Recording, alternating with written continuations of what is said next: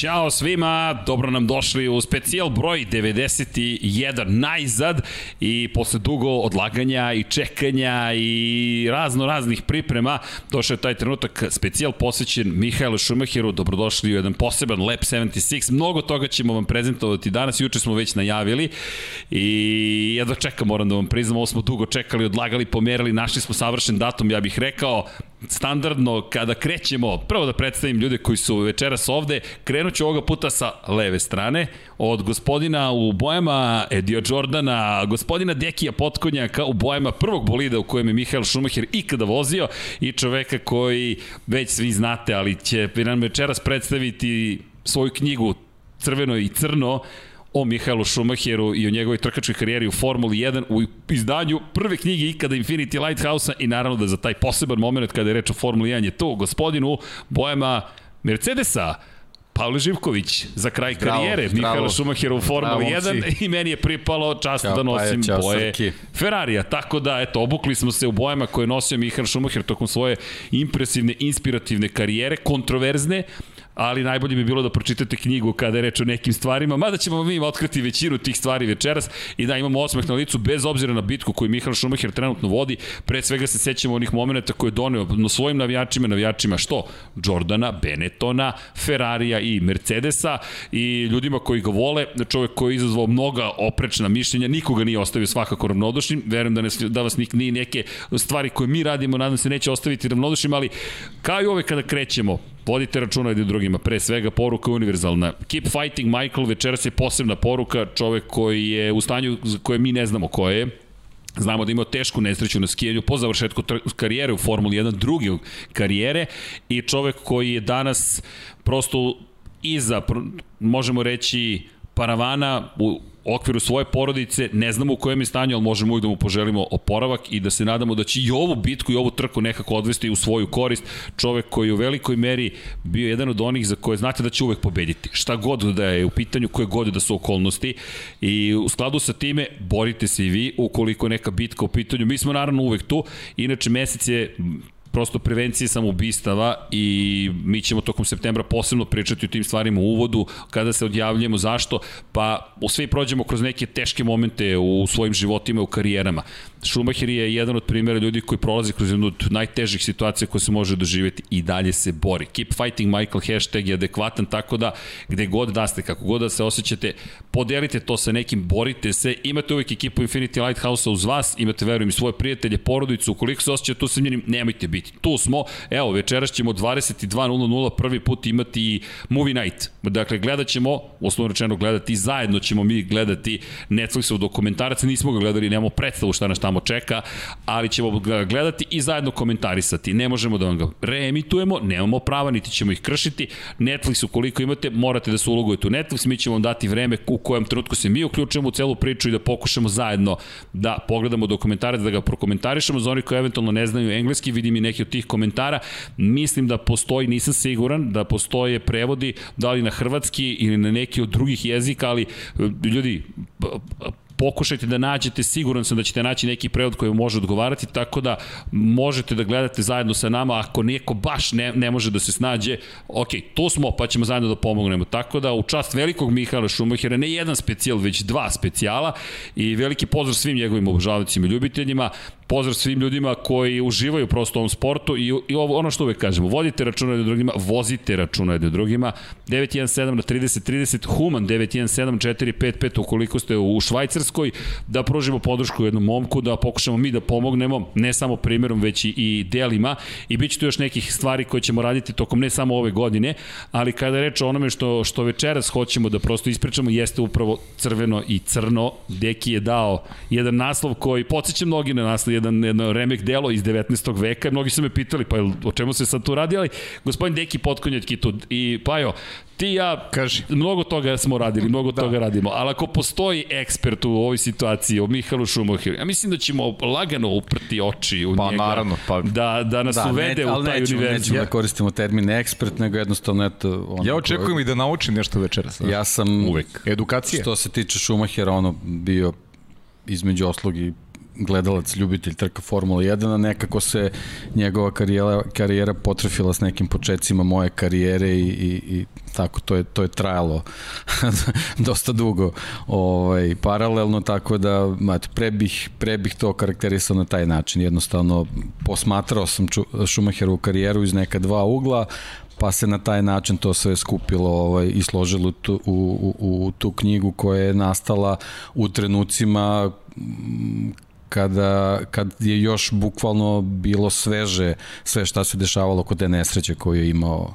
u Meribelu, tako da ovaj, nekako je to, to, kako bih to nazvao, prvo izdanje knjige ovaj, e, nastalo u trenucima bukvalno kad je čitava planeta bila uz porodicu Šumacher i Mihajla, ne znajući šta se desilo, u kakvom je stanju, nagađajući kao što se na kraju krajeva i dan danas dan danas nagađa. Ovaj. E sad, jedino što bila je tada neka situacija knjiga izašla u izdanju kompanije Ringier, tačnije auto bila, Bilda gde sam ja tada radio i zbog nekih formata u kojima je moralo da to sve da se upakuje i uklopi neke okvire, tu je ostalo dosta materijala koje, koji nije iskorišćen i evo sad kako se otvorila prilika vezano za saradnju sa Infinity Lighthouseom i ovom nekom sada već zajedničkom pričom, došli smo na ideju u jednom trenutku da, da, da krenemo i u te neke izdavačke vode, a znam da je to tebi bio san i onda, eto, nekako ovaj, čitava priča oko ovog Netflixa, prič, pričat ćemo o tome, ovaj, taj datum koji je, koji je došao, došao na red, ovaj, došli smo to nekako na ideju da, da možda oživimo tu knjigu, da, da, da je malo osvežimo, dopunimo i eto, ono, drago mi je što je prihvaćen moj predlog da to bude neko koja je to prva knjiga s kojom ćemo krenuti u taj neki novi, novi serijal, biće biblioteka Lab Jest. 76 u kojoj ćemo na način kao što smo predstavili Schumachera u nekom budućem pre, periodu predstaviti i mnoge druge velike asove automotosporta, ali o tom potom. O tom potom. O tom potom. Jel teki ja smem sad da uradim ono što ja volim da uradim? Pa, hajde, slobodno. Ćemo četvorku, Vanja. Ajde. Da vam pokažemo šta se to kuvalo ispod kape jednog od članova Lab 76. Ta-na-na, crveno i crno. I ja moram kažem da smo blagorečeno ponosni vidim i neke kritike na naš račun povodom Mihaela Šumahera, pa da, toliko ga ne podnosimo da je prva knjiga iz, ka, iz biblioteke Infinity Lighthouse o Šumacheru. Ok. Inače, ko želi da kupi knjigu, crveno i crno, inače preponosan sam. Ljudi, ja ne mogu da mu opišem.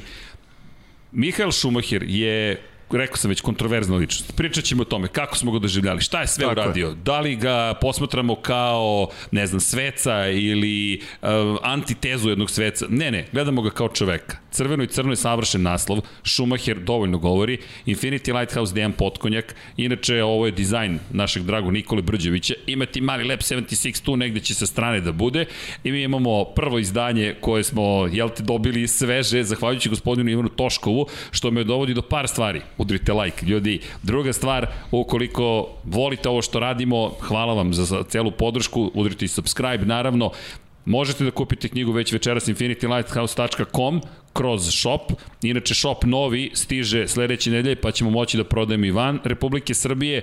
Prosto je, sad je, sve smo uradili. Sad ja ne znam više banka da li ili bilo ko može da nam kaže bilo šta, ali to je najzad spremno u preprodukciji, čekamo da kliknemo live i da bude spreman i novi shop, ali knjigu već možete da naručite. Inače, ako je naručite za van Republike Srbije, potrudit ćemo se da obavestimo kada to bude moguće, pa da to sve učinimo ponovo. I kada Ivan Toškov tu, to je čovek koji je nama Patreon, jedan od ljudi koji su nam prosto iza nas je ne samo rečima, delima, već eto i finansijski, ali svima vama hvala. I kada je reč o pokroviteljima Vanja, hoćemo da pročitamo imena svih pokrovitelja pre nego što krenemo u celu priču i ne zamerite što ponekad uvod traje, ali smatramo da da ne treba ovo da bude jedan bezlični moment u kojem samo tako sednemo i bum, ajmo sad specijal, ne, hoćemo da vam kažemo hvala. Prosto Mihael Schumacher je jedan ljudi koji je mnogi inspirisao. Šta god, kako god da su stvari izgledale u tom momentu, proći ćemo kroz njegovu karijeru, to je jedan od najvećih vozača svih vremena Formule 1.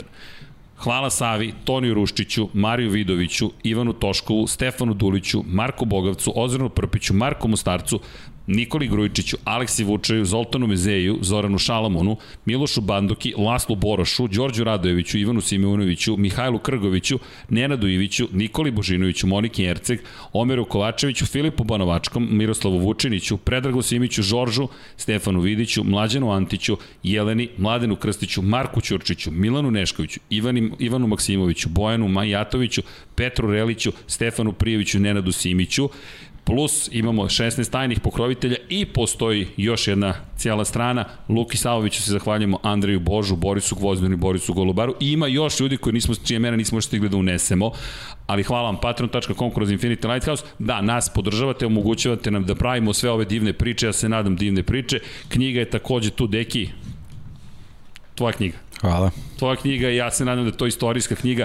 Ima tu knjiga o Mihajlu Šumohiru, mi smo previše ponosni zaista i hteli smo da jedan od velikana bude prva knjiga i ne samo velikana kada reč o Formuli 1. Deki je skroman čovjek, ali ja ću reći ovo čovjek koji 25 godina ulože sebe na različite načine u promociju što sporta, što automoto sporta, pa ću ja i ove ljude oko mene nazvati velikanima, tako da tu ćemo stati sa tim, pošto će mi opet zameriti, ali ljudi da mi krenemo u jednom stvarno istinskom, iskonskom velikanu i da krenemo od početka, deki od tvoje zelene majice, od 1991. Ej čoveče, 30 godina od kada se on pojavio u Formuli 1 i to uz uz informaciju koja nije bila baš potpuno tačna, to su te anegdote gde je dobio pitanje, krećemo od Bertranda Gašoa. Ja mislim da je adekvatno da kažemo sve kreće od Bertranda Gašoa i londonskog taksiste u kojem, za one koji ne znaju, Bertrand Gašo, belgijski vozač, je imao ugovor sa Jordan Grand Prix te godine. Edija Jordana, čuvenog irskog šefa ekipe. Bertrand Gašo je ušao neki uh, sukob u taksiju u Londonu i potukao Da, bila je neka saobraćena gužva, ovaj, sporečkao se ovaj, sa taksistom, inače Bertrand Gašo je onako jako fin čovek i gospodin pre svega, tako da ljudi ne steknu neki pogrešan utisak o njemu.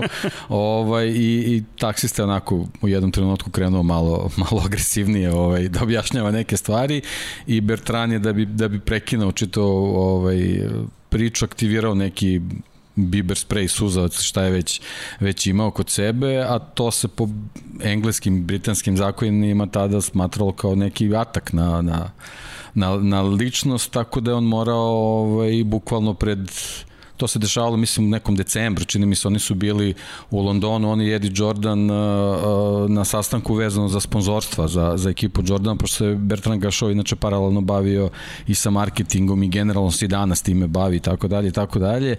Ovaj, I kad je posle par meseci došlo ovaj, taj poziv na suđenje, imao šta da čuje. Jednostavno dobio kaznu zatvora za, za taj napad na taksistu i jednostavno morao je da, da, da osluži kaznu i tu se otvorila ta ta ovaj neverovatna i nepredviđena situacija, a ono znamo da se dešava u Formuli 1 tako da iz razno raznih razloga vozači u nekom trenutku ne mogu da nastupe na, na, na trci i jednostavno Eddie Jordan je u stvari praktično ušao u problem jer je imao jedno upražnjeno mesto ovaj, za tu trku, a inače su već počeli da se javljaju finansijski problemi ovaj generalne ekipe. Jordan koji inače te godine nije bila loša njihov njihov bolid je zaista zaista bio odličan neobičan pre svega aerodinamički dobro, dobro sastavljen sa dobrim agregatom i Andreja De i Bertrand Gašo su generalno dobre rezultate pravili. Mislim da su bili sistemi bodovanja kao što je danas možda bi i, i više bodova osvajali, naravno tad je bilo do,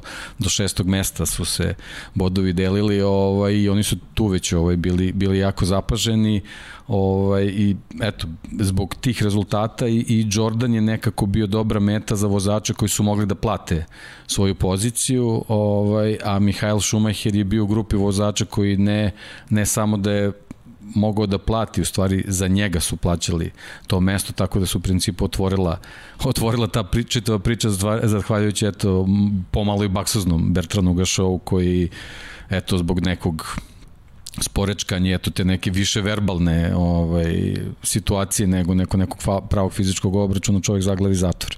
Da. Tako je u stvari počela saga u Mihajlu Šumacheru u Formuli 1 koje generalno ljudi koji su samo pratili onako o, o, ozbiljno autosport i, i druge kategorije su čuli za njega. Generalno u krugovima Formula 1 nije on baš bio nešto pretredno poznat u tom trenutku. Pa da, ali ima, ima i ona priča da, da Eddie Jordan nije voleo u suštini Bertrana Gašova, pa je možda ta cela priča malo i više nafilmovana. Pa dobro, da, možda ga nije voleo u nekom, nekom ovaj, nekim crtama i nekom smislu, ali kažem, Bertrand Gašov je bio prilično uključen u angažovanje ovaj, sponzora za samu ekipu, generalno 7 Up, koji u tom trenutku bio, bio sponsor Jordana, između ostalog ovaj, bio tu zato što je pre svega Bertrand Gachon napravio dobre, dobre ponude i, i, i pakete. Između ostalog taj sastanak u Londonu koji se dešavao trebao je da se desi sa predstavnicima 7 Up-a, tako da e, Bertrand Gachon je bio dosta uključen u, u čitavu marketinšku priču oko, oko ekipe Jordan sve se spojilo, ja bih rekao. Jedan od najlepših bolida svih vremena, taj 7 Up Jordan, ali samo jedna trka za Mihaela Schumachera. Inače, jedan od ključnih... Jedna trka. U stvari kvalifikacije. Nije trka. Nije trka, kvalifikacije. Par stoka na metar. Da, da. da. da, ali to je zanimljivo zapravo da, kada su pitali, inače on je imao test u Silverstone nedelju ranije i dosta impresionirana ekipa bilo ono što je videla, ali Mihael Schumacher inače došao iz Mercedesovog programa kada je reč o mladim vozačima i to je bila jedna nova plejada vozača koji su se pojavili. Hans Harald Frenzen, Michael Schumacher, Karl Wendlinger, oni su bili zapravo deo tog Mercedesovog bukvalno programa koji u tom momentu nije bio aktivan u Formuli 1. Dakle, morali smo da čekamo još godina pre nego što se Mercedes pojavio, pre svega na, na, kao značka na Zauberu, a potom kao saradnik i to fabričkih motora za McLaren. Ali pre toga Mercedes je držao se onoga što je odlučio 1955. ne učestvujemo u Formuli 1 i to je u tom periodu i dalje važilo i trajalo, tako da su sportski automobili bili glavni za Mercedes. Zaubir je nekako bio most, ali ne za vozača konkretno, u ovoj situaciji su se otvorila neka druga vrata i ova knjiga, Klub Pirana, hvala Dom Pablu za pozajmicu, je jedan od ključnih momenta, jer tu u klubu Pirana se dešavaju neke nevjerojatne stvari. Mihael Schumacher je imao mnogo stvari koje je učinio za, u kontekstu izmena, to je transformacije Formule 1, zaista u jedan još globalniji motosport i motosport u novom milenijumu uveo je neke stvari koje su do, sada, do tada bile nezamislive. Što dobre, što loše. Čovek koji je postao takva legenda Ferrarija da sad vidjet ćete vi kasnije statistiku, nećemo sad pričati o njoj da ne očekujemo skorije vreme da neko prevaziđe to što je postigao. Pa, možda i nikad. Mo, možda i nikad, bukvalno. Ali ćemo redom da idemo da... Da, ali ovo je taj moment, ono što, što, je, što je bitno u ovoj knjizi Pirana Club, ali prvo pročitajte crveno i crno, ima svega, jeste upravo taj trenutak kada su rešili da otkupe ugovor od Edija Jordana. Samo jednu trku, to je što kažete kvalifikaciju kojem je bio šesti, odvezu i par stotina metara, tu se završila njegova karijera vozača Jordana, međutim, stvari su bile spremne u to vreme ko je vladao Formulom 1, između ostalog Bernie Eccleston.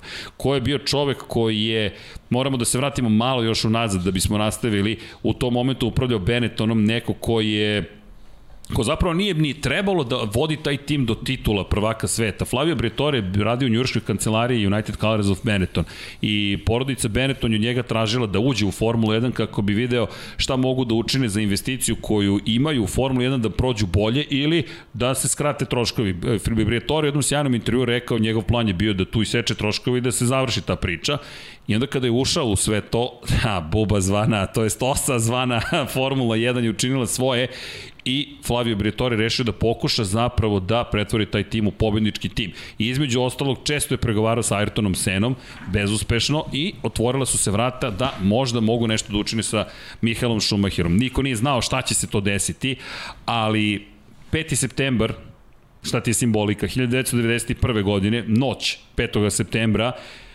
Vila Deste i moment kada zapravo Mihael Schumacher napušta Benetton i Roberto Moreno ide u drugom smeru, dolazimo do jednog od ključnih momenta zapravo u Formuli 1, s obzirom da se tog momenta formira nešto što se sada zove kolokvijalno klub Pirana, ali to je moment kada su zapravo našli, kaže autor knjige Makijavelijevski, su našli način da Timothy Collins da zapravo prebace Mihaela Schumachera u Benetton i nekako kao da to definiše stvari u karijeri, u kontekstu i spremnosti da se, neko ću kažem, ali da se razvuku granice i da se dođe do uspeha gotovo po svaku cenu. Benetton je tada bio u usponu i sve bolji i bolji tim i kada pogledamo taj tim je zapravo imao jednu vrlo ozbiljnu ekipu već tada. Mi, mi, mi polako ulazimo u period kada Nelson Piquet možda više nije na vrhuncu svom, ali mi govorimo o timu koji može da postigne mnogo toga. Inače, tada je bilo mnogo timova. Danas kada se pogleda spisak iz 1991. pomisliš kako je uopšte moguće da, da se dešava. Nelson Piquet inače bio trost, trostruki šampion sveta već u to vreme i on je vodio taj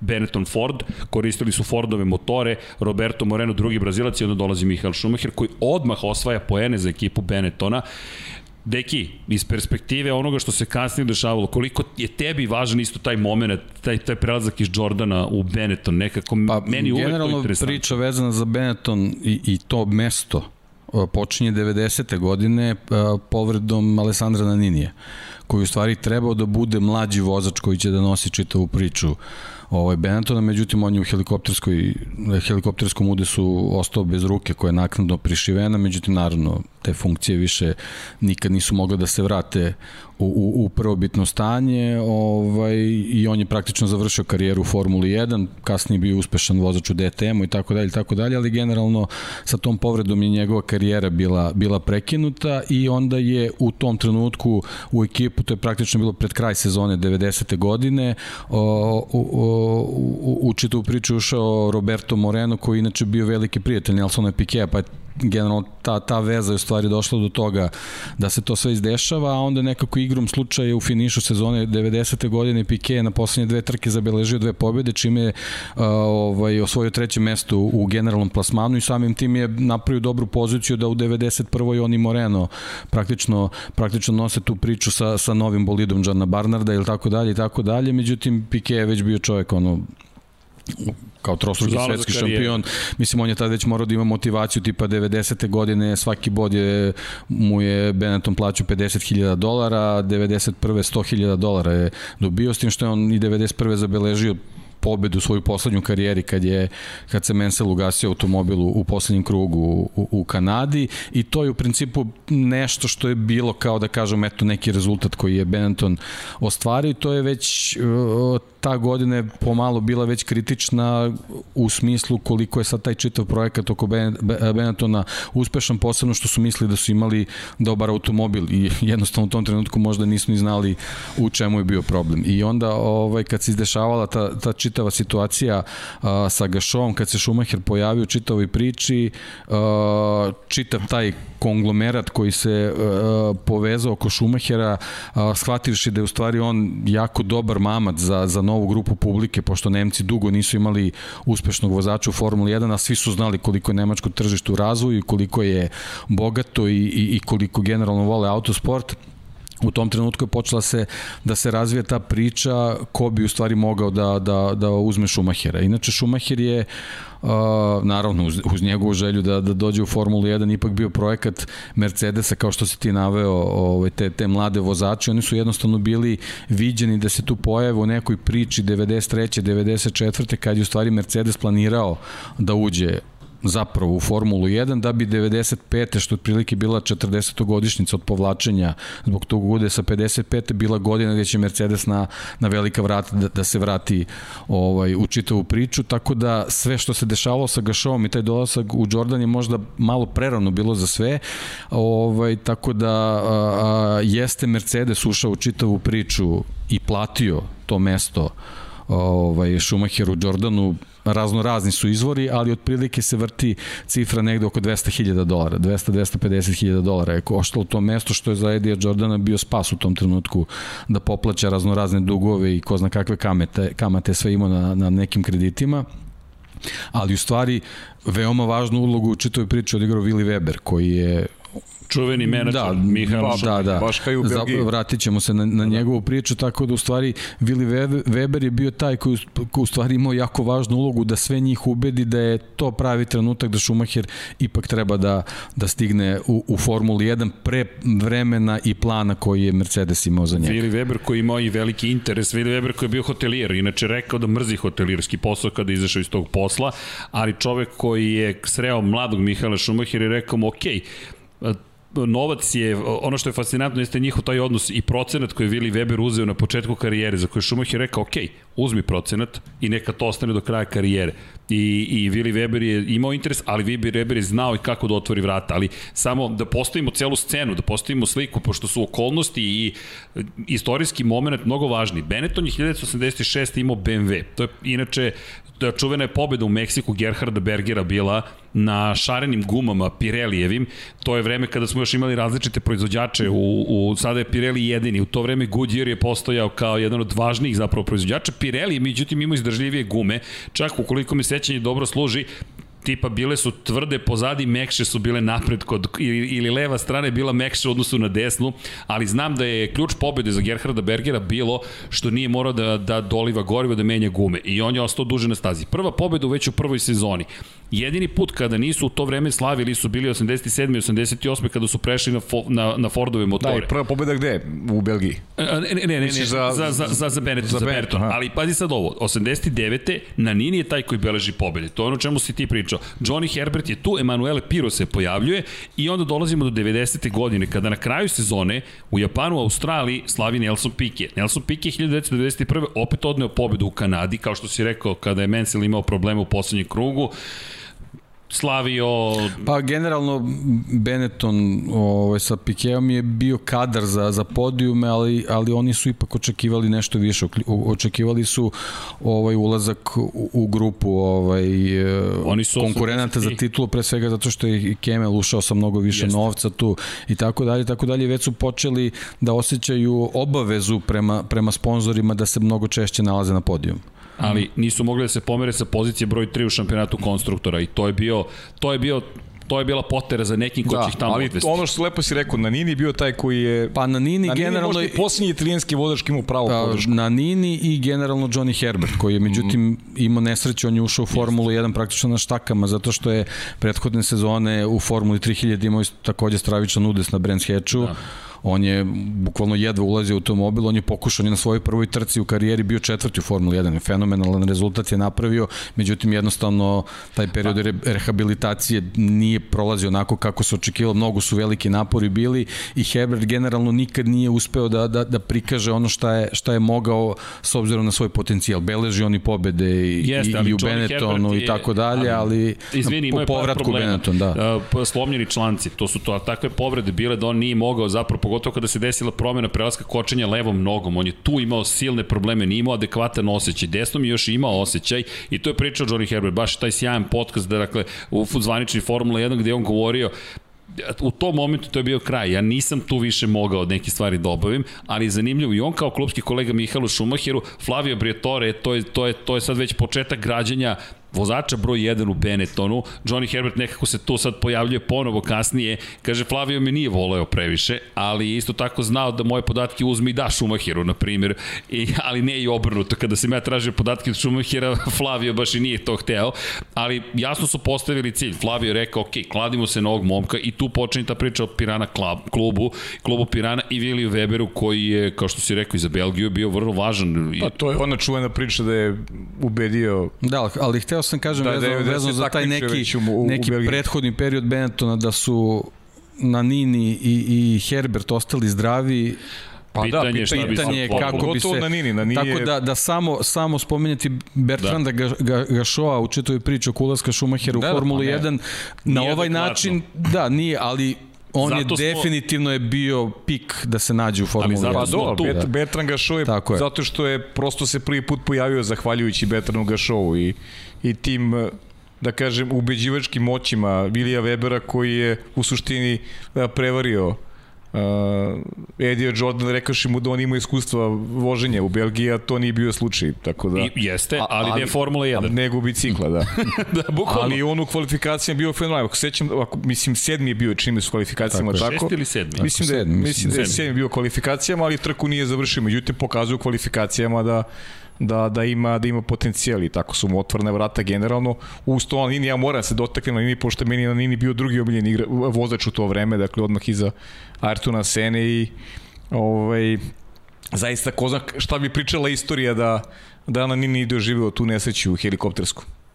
Tako je, tako tako da, eto, to je jednostavno ovaj, vidimo da se sad razno razne spletovi okolnosti dovede do toga da se neki vozač pojavi, ali eto, generalno Schumacher je zaista imao veliku podršku i, i Jest. bilo je pitanje trenutka pa, iz ove perspektive kad vidimo kad će se naći tamo. Poučna priča da, zove, zove mlade momke, da. ima tu talenata mnogo, ali pitanje, možda se među njima krije neki šampion, ne dobije pa nikad šansu. Pa jeste, s tim što sad je problem, sad je mnogo veći novac u, u pitanju ovaj, tad je nekako bilo bilo je jednostavnije, mislim Formula 1 i uvek, uvek je bila ta, ta neka perjanica autosporta i uvek je ogroman novac bio, bio u igri, ali nekako je tada bilo ovaj, što i Srđan kaže, tada je mnogo više ekipa bilo i, prohodnije, prohodnije i, i, i nekih 40% ekipa na gridu su uvek bile u borbi za, za, za opstanak, tako da svaki, svaki svaki dolar, svaki evro, u stvari nije evro bio tada, svaki dolar je bio jako bitan da, da se ovaj, održiš u čitavoj priči, tako da su svi ti mladi vozači bili dobrodošli, a sad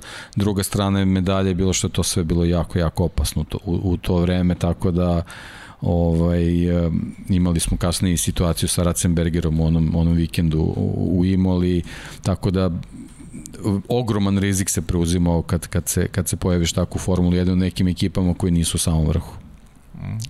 Izvini, morao sam da sredim slovo C. Uh mhm.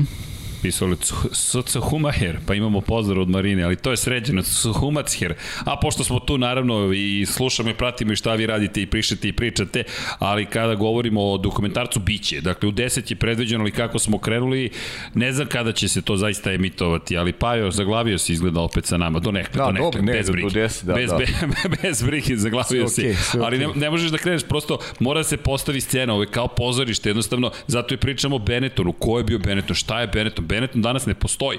Flavio Briatore je kao neka anegdota, kao neki čovek koji Petar Perić, što ti kažeš, ali Flavio Briatore postoji, to je inače naš 3D dizajner i umetnik Petar Perić, ko, šalimo se, pošto se toliko puta pojavio na billboardima njegovo ime i prezime da kažeš, ok, ali on stvarno postoji. Postoji Petar, on je legenda, a ne legenda takva, nego zaista prava, ali činjenica je da Benetton u tom momentu traži nešto. I Benetton, to je, danas ja ne znam koliko je United Colors za Benetton popularan ili ne, u to vreme ljudi, to su kontroverzne reklame, to su te čuvene boje, mešavine svih mogućih kombinacija kombinacija, oni se igraju, na neki način me Red Bull 20 godina kasnije podsjetio na Benetton. Dolaziti konfekciji, to je rekao Flavio Briatore, niko nije hteo da konfekcija pobeđuje, jer mi smo ušli u nešto što je dvorište autotrkača, McLaren, Williams, Ferrari, šta ćete pa vi ovde? I Flavio je više izgledao kao neko pa, ne samo što izgledao, on, on se generalno apsolutno, apsolutno se nije razumeo u autosportu, ne, nije. ali je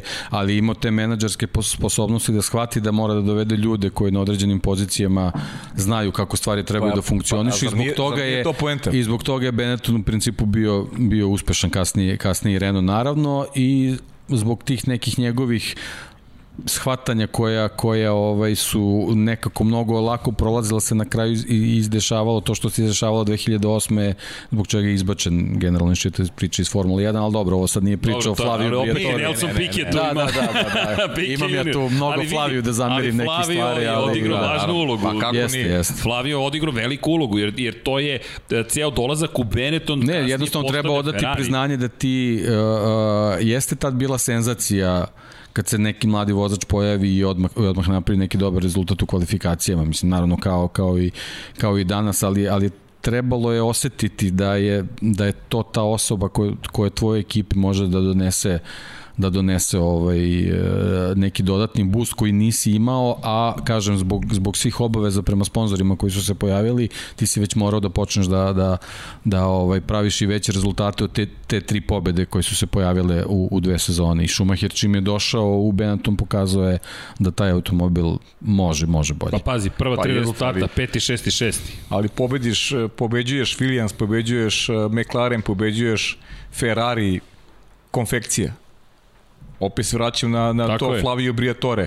Znači ti e, u poziciji je i da se meša u nešto nije njegov domen posle. Neki drugi bi se i mešali. E, Ali Našo je prave ljude bezuspešno i taj projekat bi pukao. On je došao u poziciju da odlučuje i okružio se ljudima koji znaju i dobili smo projekat u kome Mihael Schumacher prvi titul osvaja upravo sa Benettonom, koji što je, Tako je a, kad pogledaš sa ove distance, da. to je stvarno neverovatno. A kažem, to jednostavno uopšte nije bio plan, on je, on je trebao od početka da bude Mercedes vozač pa, u Formuli 1, pa, tako okay. da, eto, to je, to je taj, taj neki splet okolnosti i, i, i neke igre sudbene koje su se dešavale u, u te dve, tri sezone oko Šumahera i eto na kraju ali, smo dobili ali vidi, to što smo dobili. Ali to su njegove te prve godine ili ljudi imena koje se pojavljuju u tom momentu.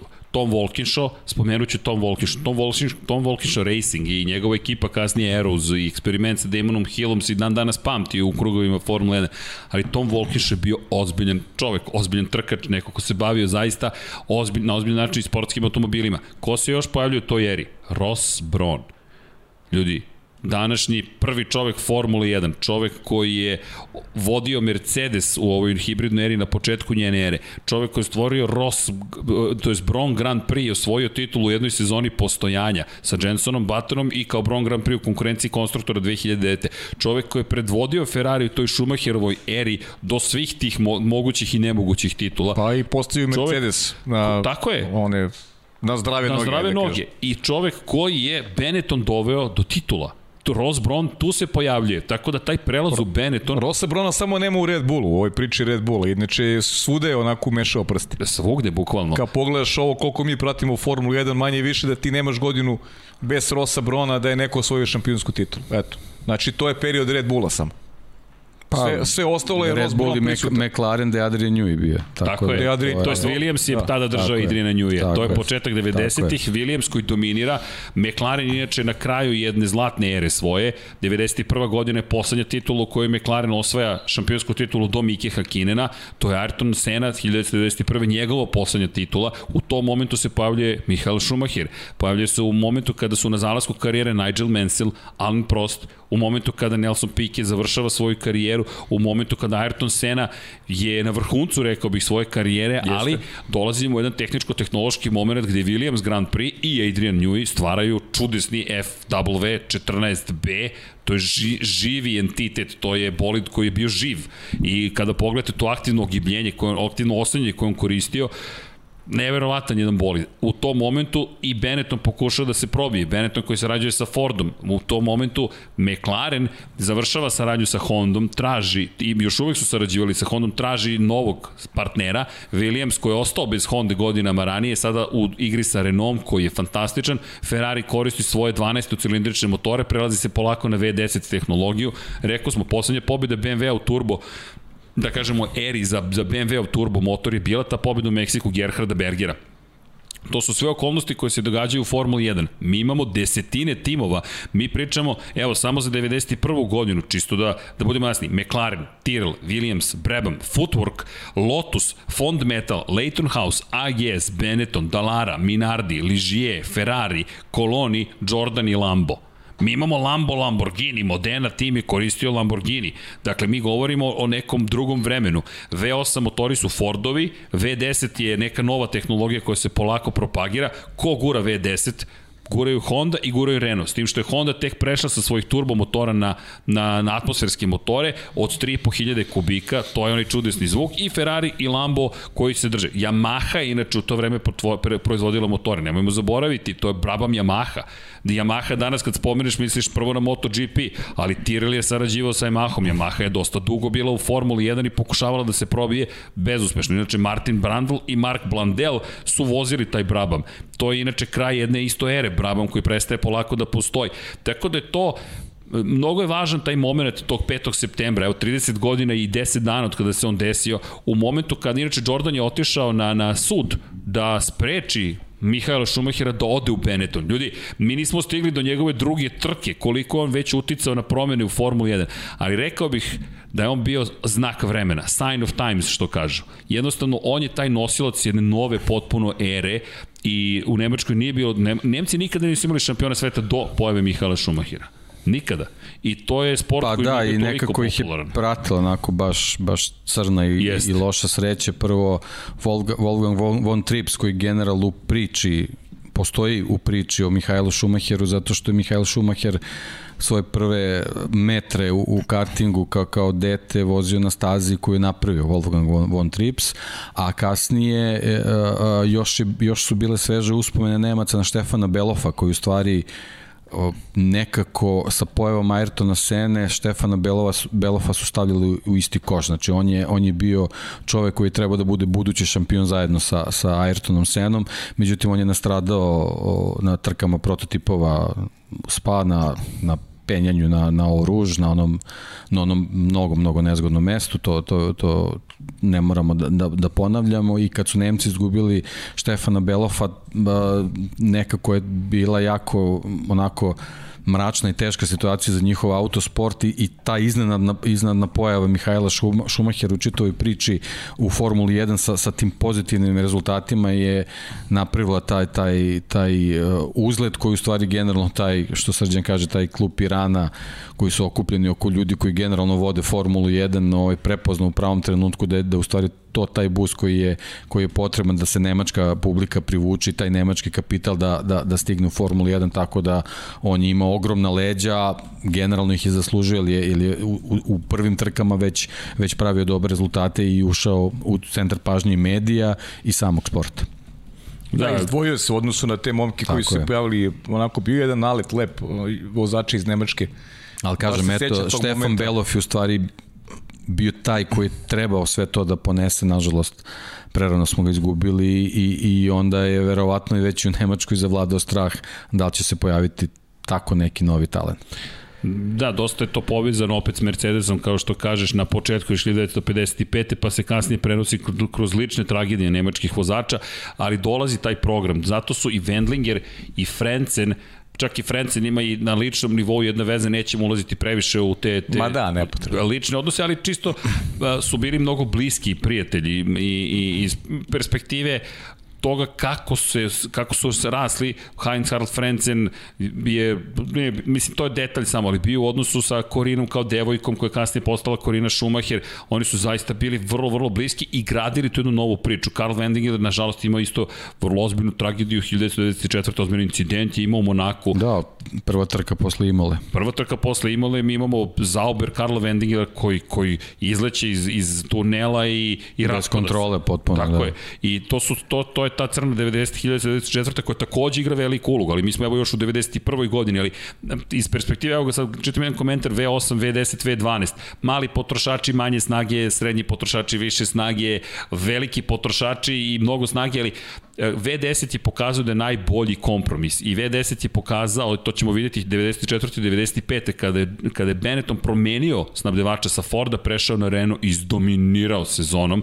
Williams više nije imao tu ekskluzivu, to je opet zahvaljujući Schumacheru. Čak moram da kažem, kada pogledam danas iz ove perspektive, koliko god da je postigao s Ferrarima, postigao je tako mnogo, uspesi u Benettonu, ja mislim da su to njegovi najveći uspesi, jer ono je bilo nemoguće. A kad je reč o Ferrariju, najveći uspeh što uspeo što da ih dovede do toga pa ja, da funkcionalan ja tim. Ih, ja ih stavljam u isti koš. Može biti, pravo si. Ja ih stavljam u isti da. koš, baš zato što je Ferrari u pitanju. Mi Ferrari pravimo Ne, on je napravio od Ferrari. Pa on je napravio, što zato što i da. to je to je specifičnost cele priče. Ja odmah da ja ja recimo nisam bio fan Mihaela Schumachera da da pričam iskreno, jer se pojavio Eri Ayrtona Sene, ja sam Senin fan i, i to je sad vraćamo se onu priču od juče da je Uh, kao navijač ti pričaš subjektivno i te neke incidente koji su imali Schumacher i Sena kroz karijeru, ja sam ih uvek video kroz prizmu da, da je Schumacher kriv za te incidente. To je to onaj navijački pristup, navijački stav. Pa i pogibija, dešavanje na, na podijumu, neodlazak na sahranu i tako dalje. Meni je to sve bilo onako prilično emotivno jer sam gledao samo sa navijačke strane i nisam prosto navio za Mihala Schumachera, nisam bio njegov fan. Ali kad pogledaš šta je napravio, kad, kad je završio karijeru i kad možeš da gledaš stvari onako trezvenije, ta cela priča vezana za Ferrari, ja mislim da da se u, u novije vreme neće pojaviti vozač koji će ko sa Ferrari napraviti takve rezultate. Jer videli smo posle Schumachera šta se dogodilo. Imali smo tu mnogo velikih šampiona, i Alonsa, i Sebastina Vettel, različitih projekata. Schumacher je znao šta je bila prednost Mihajla Schumachera, što se bavio, on je čovjek bio i, i automeha, on, on se bavio automehaničkim poslom, on, on je znao zanat, on je znao sve o automobilu. On je znao kako da Ferrari bude brži nakon svakog odveženog kruga. Znao je šta da traži, imao je e, ekipu koja, koju je verovao, imao je ekipu koja je radila za njega. Pritom to ulaganje je, u Ferrari je e, onako dugo je trajalo momena dok nije kliknulo sve, dok nije osvojio prvu šampionsku titulu. Dakle, jedan proces e, obostranog poverenja ali on je nametnuo da mu, da mu ekipa veruje. Oni su okružili ljudima koji, koji su mu verovali. I, I kad sve sabereš stavke vezano za, za, za, za, za ono što je Schumacher dao Ferrariju i obrnuto, mislim da svaka priča u dogledno vreme neće ponoviti. I tu mu zaista skidam kapu kao nekom ko je bio maksimalno posvećen i tačno je znao svaki krug imao smisao. Svaki krug u napretku e, Ferrarijevog projekta. Ferrarijevog projekta.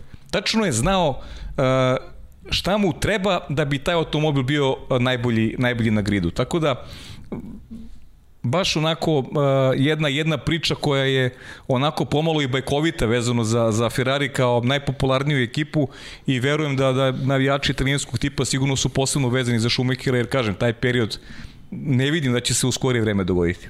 Da, da, kada je reč o Ferrariju, pričali smo o Benettonu, pričali smo, čas spomenuli smo Williams, ali Ferrari koji u tom momentu ima Žana Lezija Gerharda Bergera, to je jedan od najpopularnijih dvojaca inače u istoriji Formule, Ferrarija u Formuli 1, ali kada pogledamo rezultate, to su problematični rezultati. Jednu pobedu je zabeležio Žana Lezi u svojoj karijeri. Pa i, i, i, i ovaj, Alboreto Berger takođe, isto jedna popularna postava, takođe prosječni rezultati u to vreme su McLaren i Williams osvajali šampionske titule, Ferrari nije bio ni na vidiku. Da, inače kada se vraćamo ajde do te 1986. kao neku vrstu uvoda, Michele Alboreto, Stefan Johansson su bili vozači, Michele Alboreto, Gerhard Berger, kao što si rekao, tu postoje određene pobjede 87. i jedna pobjeda za Bergera 88. Inače, Nigel Mansell stiže u Ferrari zajedno sa Gerhardom Bergerom, to je početak i jedne revolucije iz perspektive opet tehnologije. U prvi put se uvode poluautomatski menjači, mi imamo menjače na ručica, na volanu zapravo, prestaje da se koristi ručni menjač, što je velika promena. Danas se to podrazumeva na stavka, ali nije. U to vreme bilo zaista problematično i onda dolazi Alan Prost Alan Prost, jer to su paralelne priče koje su stvorile legendu o Mihaelu Schumacheru. Da se bilo koja od tih stvari nije dogodila, taj miks koji ti spominješ ne bi bio toliko impresivan. 1979. je Jody Scheckter osvojio poslednju titulu to vreme za Ferrari. Sada smo u sličnoj eri. 2007. je Kimi Raikkonen osvojio poslednju titulu i ne vidi se novi šampion. Ali u istoriji Ferrarija stalno si imao tako neke momente u kojima se pojavi neko, neki vodeč osvoji jedne godine šampionsku titulu.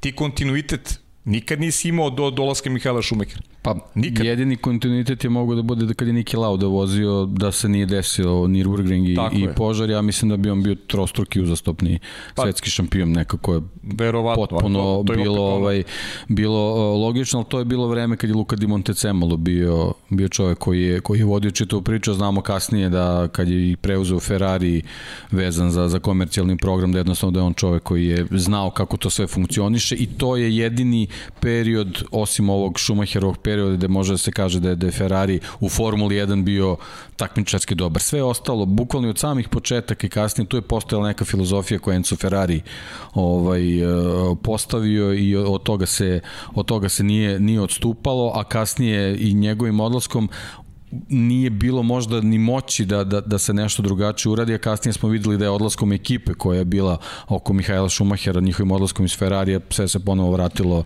vratilo na isto i da je tu, tu Ferrari gde, gde jeste. Ali to je sad opet ono šta je bilo kada je bilo. U krajnjem slučaju Mihael Schumacher je bio svoju titulu još jedno da nije polomio nogu kada je Eddie Irvine imao priliku da, da osvoji šampionat i, i to se negde videla i filozofija Ferrarija koja je bila naklonjena, tačnije Mihael Schumacher je to zaslužio. Sećate se sigurno, to, to, je, to je bila prva godina u kojoj Ferrari mogu da osvoji šampionsku titulu. Pa dobro, to je, niko, niko to je nije bila radio godina... Irvina, niko nije radio za Eddie Irvine, Schumacher je pobedio pa, u toj trci, ali pitanje je da li je mogo, ok, ajde sad Mika ulazimo. Salo, doćemo i do tog perioda, do, okay. ali Mika da. Salo je pustio u Nemačkoj i Irvine da pobedi. Znaš, to je, više mislim da je Schumacher nije baš želeo nužno da se tako završi taj period, ali... Ali osvoji ali, bi titul, to možemo pa, da, pa, činjenica da, je, da, je taj, da, da je taj, taj period i u stvari trebao da se kruniše 99. ali ništa, samo je prolongiran pa, za godinu dana kasnije. I, i 1997. Da. su oni imali šansu, pa čuveni incident da. sa Žakom Villemom, ali doći ćemo do tih incidenata. Prosto... Pa da, ali Nije, teško je tu već bilo, jer oni, o, 96. u stvari bila nasleđena godina. 96. da, Schumacher i njegov dolazak, čak, i, čak i 97. 97. je samo bila evolucija bolida iz 96. Jeste. Podignuti to jednostavno nije, stvari. to nije bila ta, ta priča još ali, uvek, pazi, ali, ali 98. su se formirale kockice da bi 99. došla titula. Nije došla zbog, zbog te povrede, ali već 2000. te egzekucija bila pa da, ali, na maksimalno. Nivou, tako, ali, teorija, znaš, tako, da, da, tako ali, ali, moglo da bude i, i, i čak i bolji učinak. Iz perspektive do, ce, miksa stvari, e, sastojaka koji su stvorili to je čarobni napitak, Žana Lezi je 1991. godine doveden umesto Alana Prosta, ali, to jest umesto. Alan Prost i Žana Lezi su vozili tu veći deo te sezone zajedno, to je francuski duo bio prosto u, u Ferrariju, do kraja sezone kada je Alan Prost dobio otkaz i onda smo doveli Ivan Capelli i Nikola Larini su vozili i onda počinje 93. ta era Žana Lezi Gerhard Berger. Kada je reč o Aleziju, Alezi je 1991. godine dobio ponudu Ferrarija da dođe da bude njegov fabrički vozač. Ali kada je reč o Williamsu, On je isto u igri bio. Williams je tražio Žana Alezija. Zašto mi je to da, bitna to su epizoda? Ti, to su ti trenuci u, u vozačkoj karijeri. To. Sad bismo pričali o Žanu Aleziju kao višestrukom svetskom Višestrukom svetskom da. šampionu. A pazi sad ovo, zašto mi je to bitno? Z zato što pokazuje šta je Ferrari. Tebe zove Williams, u tom momentu Williams nije toliko moćan, ali se približava ulazi u bitku sa McLarenom koju to vreme, to je merilo stvari. Alan Prost, da li ima šansu da osvoji titulu? Jeste, imao je šansu. U jednom momentu je postojala šansa Alan Prost. 1990. godine Alan Prost je imao period kada je zabeležio tri pobjede za redom za Ferrari. Ukupno pet pobjeda te godine. To je ona čuvena godina Šta misliš, da šta bi uradio Lewis Hamilton da ga je zvao u ono isto u ono vreme Mercedes da ga zove Ferrari? E sad, šta, šta ajde, šta bi uradio? Pa ne znam, e, Znaš, pit, pitam tebe, šta bi uradio? Šta bi uradio, u, u kojoj godini tačno? U momentu kada je momentu McLaren kada u padu? Kada iz McLarena prelazi u Mercedes, da je tada imao poziv i Ferrari. Otišao bi u Ferrari. Otišao bi u Ferrari. To je moje mišljenje. Ja mislim da bi otišao u Ferrari. Jer ti ne ako znam, pogledaš, evo pitam. ti ga bolid. Evo ga bolid pored Dekija se vidi. Fernanda Alonso. To je ta, to su te boje. To su boje koje sanjaš. I dan danas ja verujem da većina sanja tu da uspe. Jer ako to uspeš, to je to. Oni bi danas vratno pričali u Fetelu kao kao vi šampionu, tako je, sedmostrukom šampionu sveta. Sedmostrukom? Desote ostrukom, sto stostrukom. Pre, deset titula bi imao Sebastian Vettel. ali, ali to ti je zov Ferrarija. Jer vidi, Alan Prost te godine, a hoćemo da se vratimo na Japan, 90. godine. Hoćemo se vratimo i na, i na, na šta se sve dešavalo. Ali Alan Prost u tom momentu je poslednji koji je mogao da done, do, on je bio tako blizu te titule. I ti dobiješ poziv 91. da dođeš jer se pridružiš tom čoveku i ti kažeš neću Williams, hoću Ferrari. Zašto mi je to važno? Zato što bez obzira šta Ferrari učinio ili učinio, ti želiš da voziš za Ferrari. I ako sa njim uspeš, ti si kralj, ti si bog timing Formula 1. Čudo u životu je timing i... Ali ovo je isto istovremeno priča o momentu u kojem Ferrari nije na tom nivou. Jednostavno nije na to, on je na nivou na kojem je sada. Pa dobro, Ferrari je to, na... to sve što si ovaj naveo, to govori, a to ćemo pričati i o kvalitetima vozača koji moraju da se nametnu, moraju da nametnu svoju filozofiju i pre svega moraju da pokažu talenat uh, u učestvovanju u razvoju automobila. E, aj, Posebno u tim, u tim godinama. Sad je, sad je druga priča. Sad, pa znam, sa novim tehnologijama jako teško da vozač bude uključen. Ali i Schumacher je stekao autoritet i ko ljudi iz Ferrarija da mu veruje da okupi svoje ljude On u tom samo, projektu. On je samo velika je... sreća Schumachera što u tom trenutku Jean Todt bio. Okej. Okay. Ali, da je, ali, da je bio neki Arriva Ben ili da je bio neki sličan, ništa se ne bi okay, desilo. Okej, ali da li možeš došao tu poziciju ništa da nije sa Benettonom osvojio dve šampionske titule? Uh, pa verovatno ne bi, zato što on je tu imao, o, o, imao rating već tu, ali je poenta što je uh, uh, došao u situaciju da može sa, sarađuje sa Žanom Todom. To je, to je u stvari ključna karika u toj priči u formiranju tog moćnog Ferrari. Bez Žana Toda ja mislim da, da to, to ne bi, ne bi moglo da, da prođe na taj način. Pre svega, oni su imali Johna Barnarda kao kao konstruktora koji je koji je Srđan je spominjao sećaš se to je to je bio onaj čuveni Ferrari sa onim pačnim kljunom pa poluautomatski menjač to su sve sve bile revolucionarne stvari ali generalno ni jedno od njih nije nešto specijalno John, dobro prošlo. John Barnard je, da. je jedan od onih ljudi koji će smisliti najingeniozniju stvar i neće Tako nikada dobiti rezultat te najingenioznije stvari. Sve što je stvorio ali će ona poslužiti za, Tako, za razvi, čekaj, razvoj. Je u McLarenu dobio zahvalnost za uvođenje ugljeničnih vlakana Ne, on je otišao iz McLarena, oni su počeli da dominiraju. On uvede to nešto u Ferrari, on ode, oni počnu da dominiraju. John Barnard je... On, John Barnard je uveo Galebova krila. Tako je, on je, on je čovjek koji jednostavno dao mu je suđenu, ne znam, ali to tako funkcioniše. Ali si uveo priču još jednog važnog čoveka, kada pričamo o tim godinama, kako se, kako se stvari jednostavno formiraju na jedan gotovo idealan način. Pričaš o Žanu Todu. Žan Tod, za one koji ne znaju, je čovek koji je bio direktor Peugeotovog sportskog programa. Pre svega realista. Realista. Automobilista čitavog života. Tako je, od 1982. do 1993. O, to je čovek pod kojim Peugeot osvaja četiri titule. Uh, jo, uh, uh, ovaj, Jean Todt je čovek koji je vodio program grupe B za, za, za Peugeot. Između to su, ostalog. To su Formule 1 rally sporta, a, a kasnije je učestvovao u razvoju i, i, i titulama program, programa Dakar. Tako da uh, uh, imao, je, uh, imao je raznorazne izazove koji nisu bili vezani samo za neku organizaciju, nego i za inovaciju. I to je u stvari ključna priča. On je bio čovek koji je voleo inovacije, voleo izazove, voleo, voleo napredak. Ma teki, I po dolasku u Ferrari i pojavu Mihajla Šumahera, on je prepoznao da to u stvari može da bude ta priča. 1993. on preuzeo upravljanje Ferrarijem, ali ono što je meni, vidi, on stoji iza 205 turbo 16 automobila. Kogod stoji iza toga, to je kultna ličnost. Vidi, to je, to je, to je zastraš, to je, to je, ja se plašim tog automobila. Imao sam priliku da se vozim, veruj mi, Ja se veruj mi, pa, ne, plašim automobila. se tog automobila. Da zato što taj zadnji kraj je bio toliko lagan, Nažalost, to, to je bio poznat i po to velikim tragedijama. Mislim, Dragana Mancija smo izgubili u tom da, automobilu. Jest. Mislim, to su ozbiljne tragedije. Mi pričamo o, o automobilu koji je samo u pravim rukama mogao da bude brz. E, morao si da staviš 25 kg pozadiju gepek, otprilike odeš u teretanu i napuniš ga tegovima ili džakovima cementa da bi to moglo da bude stabilno. Ali on je stajao iza svega toga. Ari Vatanen, Juha Kankunen, mislim, to su imena koje sad kreneš da iličiš, to je Jean Todt ali Ferrari koji kao da je 93. shvatio i čekaj, nije dovoljno da menjamo vozače. Mi moramo da menjamo sebe, svoju kulturu i, i to je to što se rekao Luka Di Montecemolo koji dolazi. Mislim, kockice se slažu, to sada kada gledamo iz ove perspektive, niko nije ni slutio da se kockice slažu.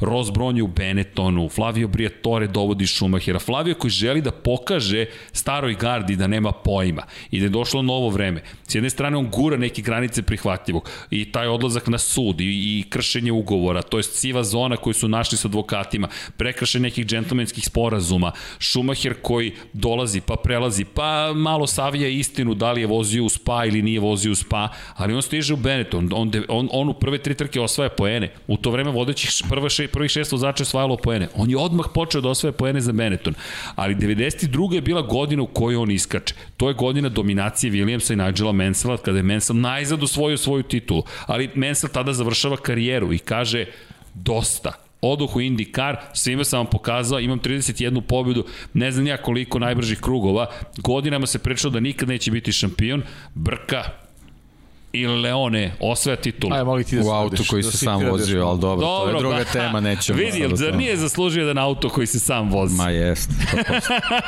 to je druga tema, sve okay. To je druga tema. I okay. Leone, 31 dobro, pobjeda. malo srećni, znaš. dobro, on je malo, brku, radosti. Okay. Malo radosti. Pa bio je najuspešniji vozač, bio uspešniji prosto čovek koji od Stirlinga Mosa je pretekao po broju pobjeda nije osvojio titulu. I to nešto govori. Ali okej, okay, da ne uđemo sad do specijalno Tako je trebalo da bude. Nisam znao, deki, za te tvoje Da. emocije. Opa! Nisu to emocije, to, je, to su činjenice. To su konstatacije.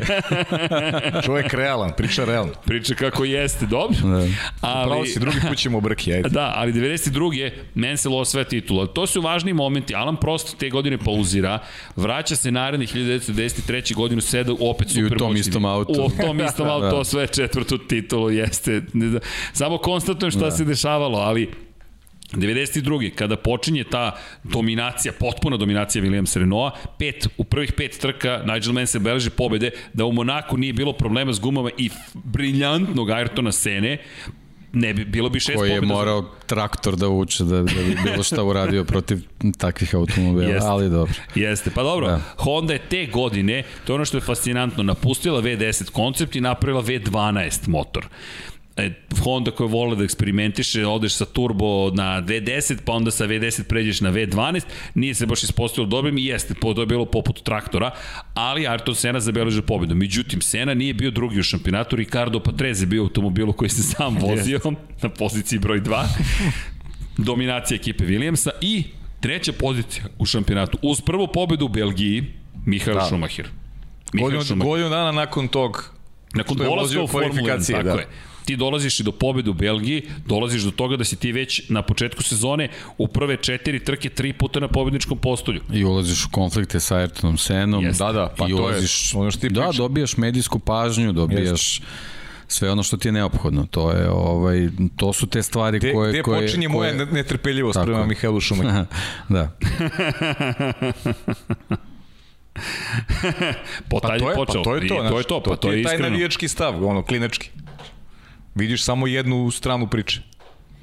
Pa to je normalno. A normalno, Prosto pa, je normalno. To ti kažem. Čekaj, nisi još bio počeo. Ali on je, uh, on je 92. na 16 trka imao 8 podijuma. Da, da, da. To je za, za taj period stvarno pa ovaj, ne? ozbiljna, ozbiljna stvar Evo se, prebacimo nekog, nekog da. debitanta koji kreće sledeće godine već da, da pokazuje starijima da ovaj, ozbiljnost, da je tu. ozbiljnost i da A nije, da nije u automobilu koji je dominant. Ali priča, tako je, čak daleko, to. čak tako, daleko. Zato je. Ko, kozmetika, kozmetika. To, ali mislim da si ti, Deki, pričao o tome. Deki, ako se sećam, prošle godine smo diskutovali baš o Šumahiru i ti si pričao, ne, ne, ne, ne, ukradena misao, ja se izvinjam gospodin Deki u potkonjaku, on je uporedio Red Bull, ako se dobro sećam s Bennett, ne, ne Red Bull, ti si uporedio Racing Point, sa, sa, sa Benettonom Mihaela Schumachera i koliko je velika bila pobjeda Serhije Pereza zahvaljujući tome, ali to je na tom nivou, da neko uđe u Racing Point prošle godine, ne u Red Bull, Red Bull možda iz 2005. i počne da pobeđuje, ali Perez je jednom pobedio, ovaj čovek je stalno bio tu i stalno je bio tu i na kraju krunisao tu sezonu pobedom i bio treći u šampionatu sveta, tri poena imao više od, od Ayrtona Sene. Pa ja mislim da je dobro poređenje sa Red Bullom. Ali Red Bull, dobro poređenje sa Red Bullom. Ne, baš, Red Bull baš kao, Red Bullom je dobro kao ekipa poređenje. u smislu ulaska. Tu, tu stojim iza tog poređenja, da je to firma koja se bavila proizvodnjom energetskih pića i A da, postala šampion. Pa odlično poređenje. Ovo kozmetika, mislim, ono, Tako je. znaš, ideš ovaj do šampionskih, ti pobeđuješ velikane ovog sporta, osvojaš šampionske titule. Benetton šampion, mislim, stvarno nezamislivo. U to vreme nezamislivo. I slična priča kao sa Red Bullom, isto. I gle čuda, opet neki, naš, opet tu se sad prepiću ta, ta nemački vozači Vettel sa Red Bullom, Mihael Schumacher sa, sa ovaj, Benettonom s tim što Ne, tu već kreće polarizacija posle ta 92. 93. dok, dok nije došlo do ove crne 94. Ta 92. 93. to je jednostavno pozitivan uzlet Mihajla Šumahera jer, jer ljudi, ljudi počinju da, da, da, da, da ga prate, da navijaju za njega jedno ogromno tržište šta je, šta je iza njega, on ulazi u, u, u, u te neke konflikte na stazi sa Ayrtonom Senom za kojeg znamo u to vreme Ayrton Sena nije isto bio neko ko je bio 100% obožavan. Ne, nije. I nije, tu su pa postali ne, ljudi pa, nije, koji su nije. se polarizovali, ne znam, u jednom trenutku navijali za Prosta, drugi su navijali za Senu i tako dalje, tako dalje. Onda se tu pojavljuje, imao je, imao je taj, taj duel sa, sa, sa Williamsom, sa, sa Menselom, gde je, gde je morao da se bori u, u, u, u podređenom automobilu u odnosu na, na superiornog ovaj, Williams i onda se tu pojavlja i neki klinac, tako nasmejan u tim nekim šarenim žutim kombinezonima koji iz trke u trku počinje da kvari poredke u kvalifikacijama, u trkama, dolazi do, do incidenta sudara, sećamo se taj, taj udes na, na velikoj nagradi Francuske kad je kad se su, ovaj, sudario sa Senom, kad je Sena od, odustao, trka je, start je ponovljen, Schumacher je ovaj, bio spreman za, za novi start, Sena je odustao, presvukao se, gde ulazi u boks, hvata Schumachera za rame, objašnjava mu neke, neke stvari, to su te neke scene koje, evo, evo, mi i ove sezone imamo nešto slično i tako dalje. Mm i tako dalje i to su trenuci gde, gde, gde Schumacher ovaj, kao osvajač jedne velike nagrade, znači samo samo jednu jednu trku ima za, za, za pojasom koji je osvojio, ulazi u neku priču sa, sa nekim velikanima i, i da to ime jednostavno postaje nešto gde, gde ljudi ga stavljaju u koš e, sa, sa, sa velikim šampionima i pitaju se da li će biti najmlađi šampion nikad. I to je sad ta, ta jedna priča koja, koja je Benettonu bila, bila potrebna da, da i on uđe da i on uđe u, u, u, ovaj, u, u centar pažnje i što Srđan kaže tamo negde od 95. godine da i on dođe ovaj, da može da kaže da, da po poklopce motora ima i Renault agregat i to, to je sad već neka priča koja se zaokružila u stvari 94. vezana za Ford ovaj, sa, sa osvajanjem šampionske titulu u toj, toj crnoj godini gde ponovo Schumacher, naravno tragedija Ayrtona Sene, automobilski sport je zavijen u crnu i tako dalje, ali, ali u nastavku sezone Schumacher počinje da bude taj koji, do, koji dominira tim sportom, da bi eto u finišu sezone se pojavio taj neki Damon Hill koji je čitave godine držao, držao tu Williamsovu priču pod, pod tom tragedijom i svim tim šta se dešavalo, da dolaze na tu poslednju trku da, da se ovaj odlučuje bukvalno na bod ko će biti šampion i dešava se onaj udes u da. Adelaide i, i tu se praktično već formira karijera Mihajla Šumahera gde dobijamo doktora Jekylla, Mr. Hajda i tu počinje ta priča koja će ga bukvalno pratiti tokom čitave karijere i taj neki crni deo priče će za ljude koji ga nisu voljeli od početka u trenucima kad su se dešavali ti veliki uspesi u Ferrariju uvek pa, biti nešto da. što ga prati i biti nešto zbog čega su se omalovažavali ti rezultati. Pa pazi, ogroman je skok. Mislim, ogromni su skokovi ta 1994. ali opet ima veze ovi bolidi koji smo spominjali. FW 14B, FW15, to su bolidi koji su redefinisali sport iz te perspektive i ne želim tako da ih i njih pa, ocrnim, ali... Da, da ne bi ja ono sad crnio te bolide, mislim to, to su stvarno e, genijalni automobili, e, to smo pričali vezano za Moto Grand Prix, da me Jeste. ove, ovo sad što se dešava u Moto Grand Prix podsjeća, e, podsjeća me upravo na te bolide koje se sad spomenuo. To je taj breakthrough u, u, u nekoj filozofiji gde smo imali velike kartinge sa, sa velikim točkovima i snažnim motorima da u jednom trenutku počnemo da dobijamo sofisticirane sprave koje nisu samo vezane za snagu motora i da, za dobro prijanjanje guma i tamo neku aerodinamiku sitnu. Sa tim bolidima počinje ozbiljno razmišljanje o napretku Formule 1. Da, pa elektronika počinje da igra jednu veliku ulogu, jer u tom momentu procesori u kućnim računarima i generalno profesionalni procesori su daleko manjeg broja operacija u sekundi u odnosu na ono što danas imamo. Danas bilo koji telefon na ovom stolu je jači i bolji od Apollo 11 misije, jači i bolji od bilo kog bolida. Mi govorimo o periodu kada računari kada digitalizacija tek počinje da nalazi svoje mesto, kada se igrice pojavljuju, kada mi imamo prve simulacije koje su u tri dimenzije gde ti dobiješ prvi utisak o tome kako zaista može da izgleda određena staza. Pa se, pre, pa se staze polako sigurno me, sele u digitalni svet, ali i Formula 1 polako počinje da uči šta može da izvuče od tog digitalnog sveta, kao i sve kompleksne aerodinamika. Adrian Newey tu takođe igra veliku ulogu. Adrian Newey koji stoji za tih genijalnih mašina, ali ono što hoću takođe da kažem, ne bih da ih ocrnim na jedan drugi način, ali njihova pojava je dovela do radikalnih promena pravilnika koje su direktno dovele do onoga što se događalo 1994. godine. Mi smo od ultra stabilnih bolida, koji manje više sami upravljaju, došli do toga da imamo vrlo nestabilne bolide. Williams, neka urbana legenda, kaže da je kasnio sa svojom prijevom za šampionat sveta 1994. godine i da je administrativni problem doveo do toga da mora da prihvati promenu pravilnika koja u potpunosti anulira sve njegove prednosti.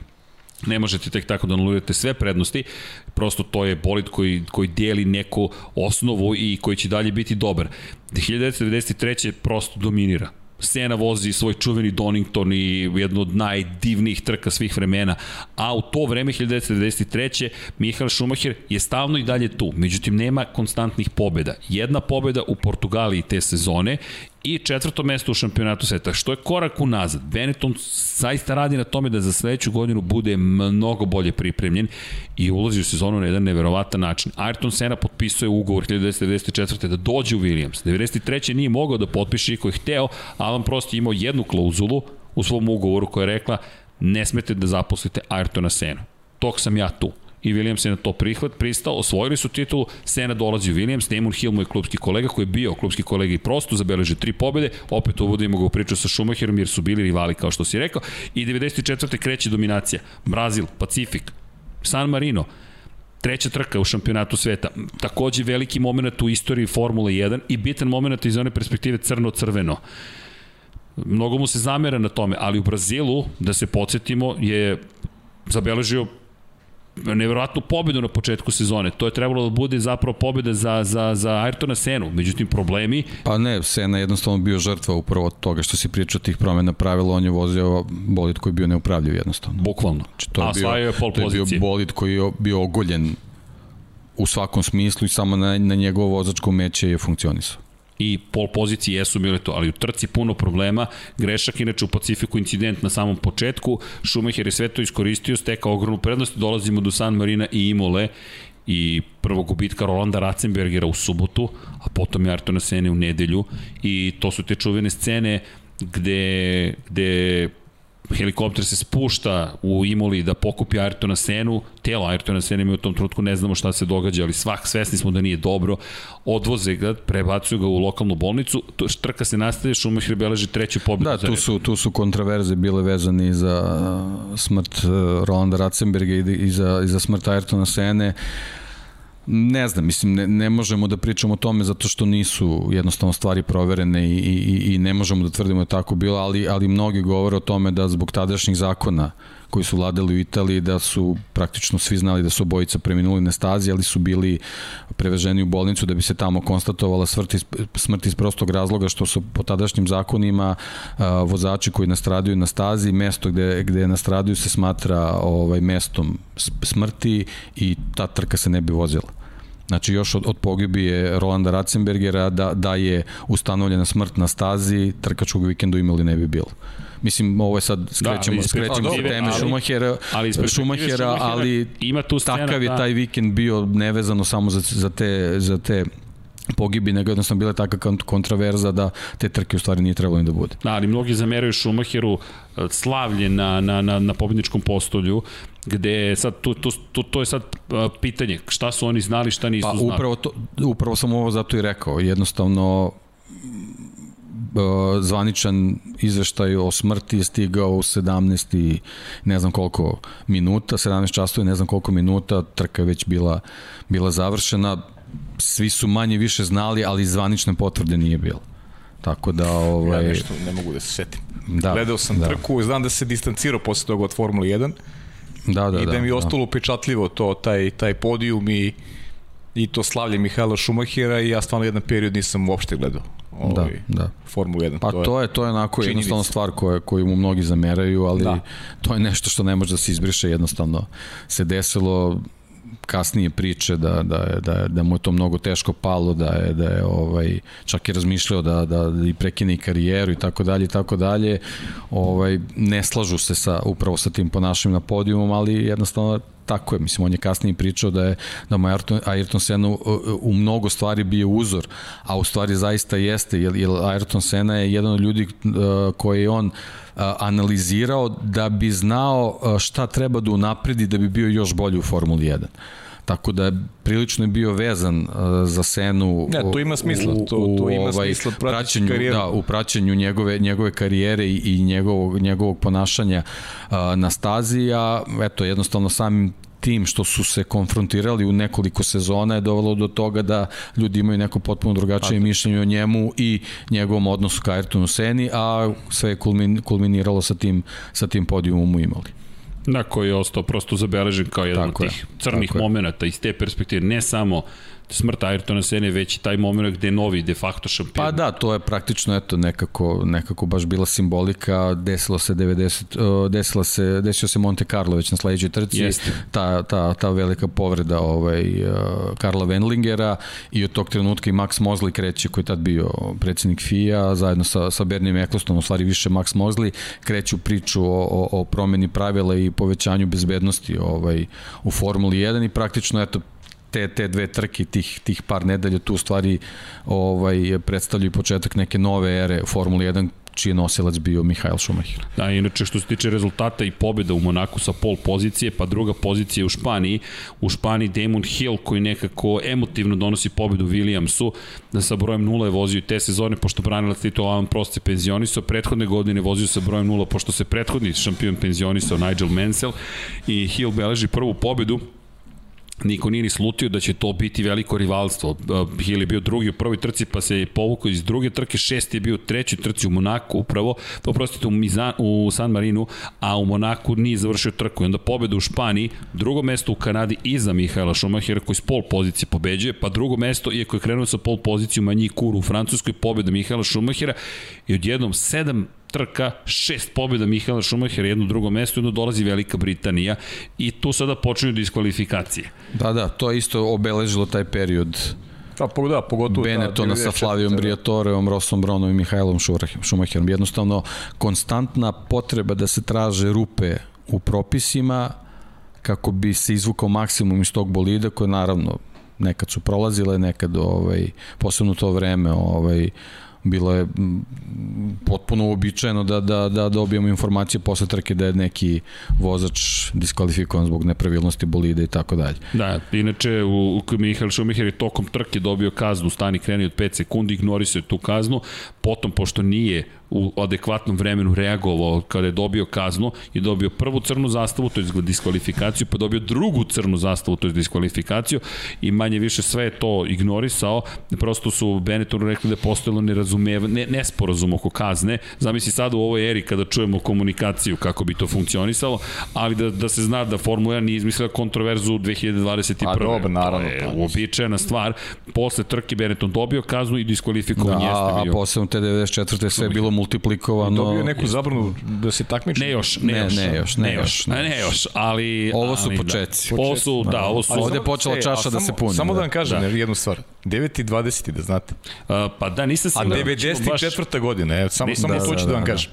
Devet... Pa da, da, mislim, ovo je, ovo je bilo bitno čisto da, eto, da prođemo kroz tu neku priču tog početka i kako je u stvari e, e, brzo napredovao kroz, kroz šampionat Formule 1 i kako je, kako je u stvari gradio svoje ime i sa pozitivne mislim, i sa negativne da, strane. Mislim da smo pocenili da. priču, ja bih je uvek produžio, ali vratno će me naterati da ispoštujem sadnicu. Da. No, kako pa god. Da, pa da, ali, ali, kažem, naš. ali, da se, samo da se setimo još jedne, ali pazi koliko istorije ima ovo pa nemoguće. Pa, Benetton Ford i Osaf Verstappena, ljudi, Benetton Ford i Osaf Verstappena, Nemačka 1994. čuveno skidanje prosto creva za punjanje gorivom koje je iz, s kojeg je skinut filter, jer opet nisu se najbolje razumeli ali, i koji se zapalio čovjek. O, o, svakoj trci može se pričati. Ne znam, znam, znam, od te godine, ali pazi, Schumacher Ne, ta 94. je baš je, bila onako prelomna jest, godina jest, jeste, od, od, od, od tragedije u, u Imoli, pa Kazne, sve, sve nadalje, ali eto, mislim, poenta je da je u stvari to bilo bio neki znak početka nove ere u Formuli 1 iz raznoraznih ovaj segmenata. a 95 i i i 95 je već bilo i brak između Benetton i Renault tu je tu je u stvari bila prva prava dominacija. To je baš bilo dominacija jer on jednostavno u tom trenutku nije nije imao konkurent. Smem ja da malo, malo samo do, do, dodam par stvari. Posoli, ajde. Po da posolim, velika nagrada Belgije. Belgija je važna, prva trka, prva pobeda i tako dalje. Da. 94. po završetku trke je otkriveno da Schumacher zapravo bolid nije odgovarao, prosto su bili potrošeni drveni. Tako je. E, inače, posle incidenta Ayrtona Sene, opet sve se, sve se vraća na te godine, posle incidenta Ayrtona Sene, pošto su smatrali da je dotakao tlo kompletnom podom, kompletnim, je uvedena daska ispod bolida i daska je bila suviše tanka zapravo i smatrali su da jednostavno da, da je zloupotrebljena situacija da se još dodatno spusti bolid i diskvalifikovanje Schumacher, pošto je već imao upozorenje u Velikoj Britaniji, tu ga diskvalifikuju na tri trke. Da, da. Hill koji beleži silne pobede i uključuje se u bitku za titulu šampiona sveta i odjednom mi imamo dramu u završnici. Hill koji po mom mišljenju vozi najbolju trku u svojoj karijeri u Japanu 1994. po kiši, pobeđuje Schumachera po kiši. Ljudi, to je, pogledajte, to je Hillovo master, to je, to je remek delo Damona Hilla. Ako ima trka u kojoj je pokazao da zaslužuje da bude šampion sveta, to je ta. I onda Australija i čuvena Adelaida, Adelaide gde gde Schumacher gubi kontrolu nad, inače jedan poen ih je delio pre tu posljednju trku sezone. Dakle, mi govorimo o sezoni u kojoj u Belgiji, Italiji, Portugaliji nije vozio Schumacher, pobeđuje Hill, Hill, Hill, onda se vraća na veliku nagradu Evrope, pobeđuje, Hill bude drugi, Hill pobedi u Japanu, vratimo se na poen razlike, odemo od Deleidu, Schumacher vodi u trci, izgubi kontrolu nad bolidom, udari u zid, vrati se na stazu, Schum, Hill koji pokušava da ga pretekne, Schumacher koji skreće u njega. Danas je dosta jasno da je skrenuo u njega, ali okej. Okay Kad kažem ok, to je sada ta pr, to je to sledeći incident u incidentnoj sezoni. Međutim, to je mnogo bitno jer ćemo videti reprizu tri godine kasnije. 95. doći ćemo brzo, brzo ćemo proći neke godine, ali ova 94. kao da je skupila celu karijeru malom. On koji dominira, koji se sve na granici prihvatljivog, koji kada završi trku ili prvi ili drugi, manje više sve završene trke prvi, drugi, prvi, drugi ili diskvalifikovan i nije stigao do cilja. Dva puta nije stigao do cilja, čovjek je uspeo da zabeleži uz, u, u, uz sve ove kazne, u sve ove kazne, osam pobjede te sezone, da uspe da bude diskvalifikovan sa četiri trke i osvoji titulu s pojem prednosti i eliminiše glavnog rivala na kraju sezone. I uđe u sukob sa jednim od u to vreme sve popularnijih vozača koji, nažalost, posle tragedije postaje nešto novo Sena postaje mit, praktično, i o, o, jednostavno i te proslavi, sve što je učinjeno te sezone ga dovode upravo tu zonu toga da je čovek o kojem je mišljenje krajnje oprečno. Ili, ili. Nema pa, između. tu je, tu je nastala ona, ona verovatno i čuvena priča da možeš ili da ga voliš ili da ga mrziš.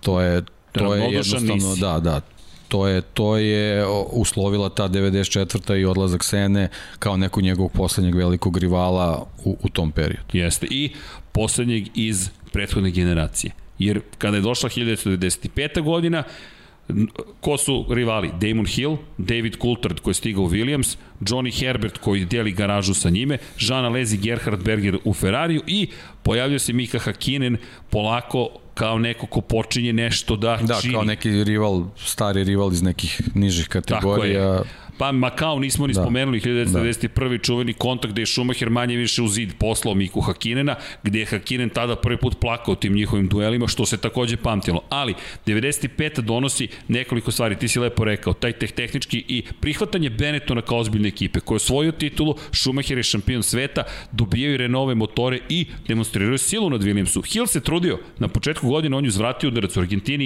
i San Marino dobar bio, zabeležio dve pobjede, poveo u šampionatu, nije završio trku, tu treću, i onda Schumacher kreće svoje, da niže, međutim, meni te godine, deki, Belgija. Belgija, da, Belgija. Kraj. Cijela sezona, jedna trka. Belgija, ljudi on je u Belgiji pokazao zašto je Mihael Schumacher, zašto će postati sinonim za neverovatnog vozača. 16 je u kvalifikacijama. Da, kiša je bila, pošto tad, tad su kvalifikacije bile petak i subota, pa se sabiralo, ovaj, on imao, imao loš, loš krug u, u trenutku kad je bila stuva staza, kasnije kad je kad je nakvašena jednostavno nije, nije mogo da popravi vreme našao se baš u, u, u nezavidnoj situaciji ponovo u promenljivim vremenskim uslovima u Belgiji. Zato je bila u stvari loša, loša startna pozicija, ali on je to posle u trci neverovatnom vožnjom nadoknadio i tu je u stvari počela ta neka priča o, o saradnji i strategiji između Rosa Brona i Mihajla Šumahera, da je ono što Rosa zamisli, šta god to bilo, Šumacher sprovede u delu. I to je u stvari tako. Jedino, jedino moguće da, da se nešto desi na toj trci pozitivno za njih je bilo da vozi slikove po kiši. I on je to uradio. Jeste, i održao prednost dok da. se staza ni dovoljno I to je onako što Srđan voli da kaže masterclass bio, gde, gde apsolutno niko ništa nije mogao da mu kaže da mu zameri. E, ali pazi sad šta se de, dešava u toj trci. E, e, Damon Hill je, kada su izašli posle promene guma na kišne gume, bio tik uz Schumachera i jedan od njihovih čuvenih klasičnih duela se dešava. Inače, Haley kasnije bio kažnjen sa stani kreni kaznom pošto je prolazio prebrzo u pit lane-u, da. da. Ali moment gde Schumacher njega blokira, Haley rekao posle trke ovo nije karting, on ne sviđa mi se da me neko gura sa staze. Schumacher koji je prokomentarisao pa da si vozio karting možda bi znao. Direktan udarac na Hila koji je kao motociklista stigao u Formula 1 i za koga se smatralo da je tatin sin, sin čuvenog Grema Hila da zato ima svoju poziciju u Williamsu i kad je osvojio titulu 96. godine, Williams ga nije zadržao. Prvi šampion koga Williams nije zadržao, kom je rekao, nisi nam potreban, doveli su Heinza Haralda Frencena, ali u tom momentu još veće zahuktavanje njihovih duela. Inače u Velikoj Britaniji kontakt sa Hillom, zašto? Hill preagresivno pokušao da napadne Schumachera, Schumacher znao da se brani. Ovde, iako je Schumacher rekao, ja sam samo u sporim krivinama branio svoju poziciju. U Radilojnu, dakle, iz, izgleda na izlasku iz Oruža je branio. Na, u Blanchimonu je branio. To, to se, deki se smeje, ali to, ljudi, to se ne radi. To se bukvalno ne radi, ali to je Mihael Schumacher uradio. I to ga učinilo opet Mihaelom Schumacherom. Jednostavno, to je spreman na sve. I sa 16. pozicije ti dođeš do pobede, ali tog momenta je slomljena svaka nada Damona Hilla i ekipe Williams da mogu da osvoje titulu. Tu je kraj. Sve ostalo što su učinili, ok, u, imali su uspeha, ali tu je završena bilo kakva bitka za titulu šampiona sveta. Od tog momenta Hill se nije oporavio 95. godine, ali te 95. znam pa možemo pričamo o svakoj trci, pokušat ću da ubrzam stvari, ali kako? To je Schumacher. Ljudi, kako da ubrzamo? Bolje da odložimo neke druge stvari, ali Schumacher to zaslužuje. Bez obzira volili ga ili ne, ali te 95. već počinje priča ide u Ferrari.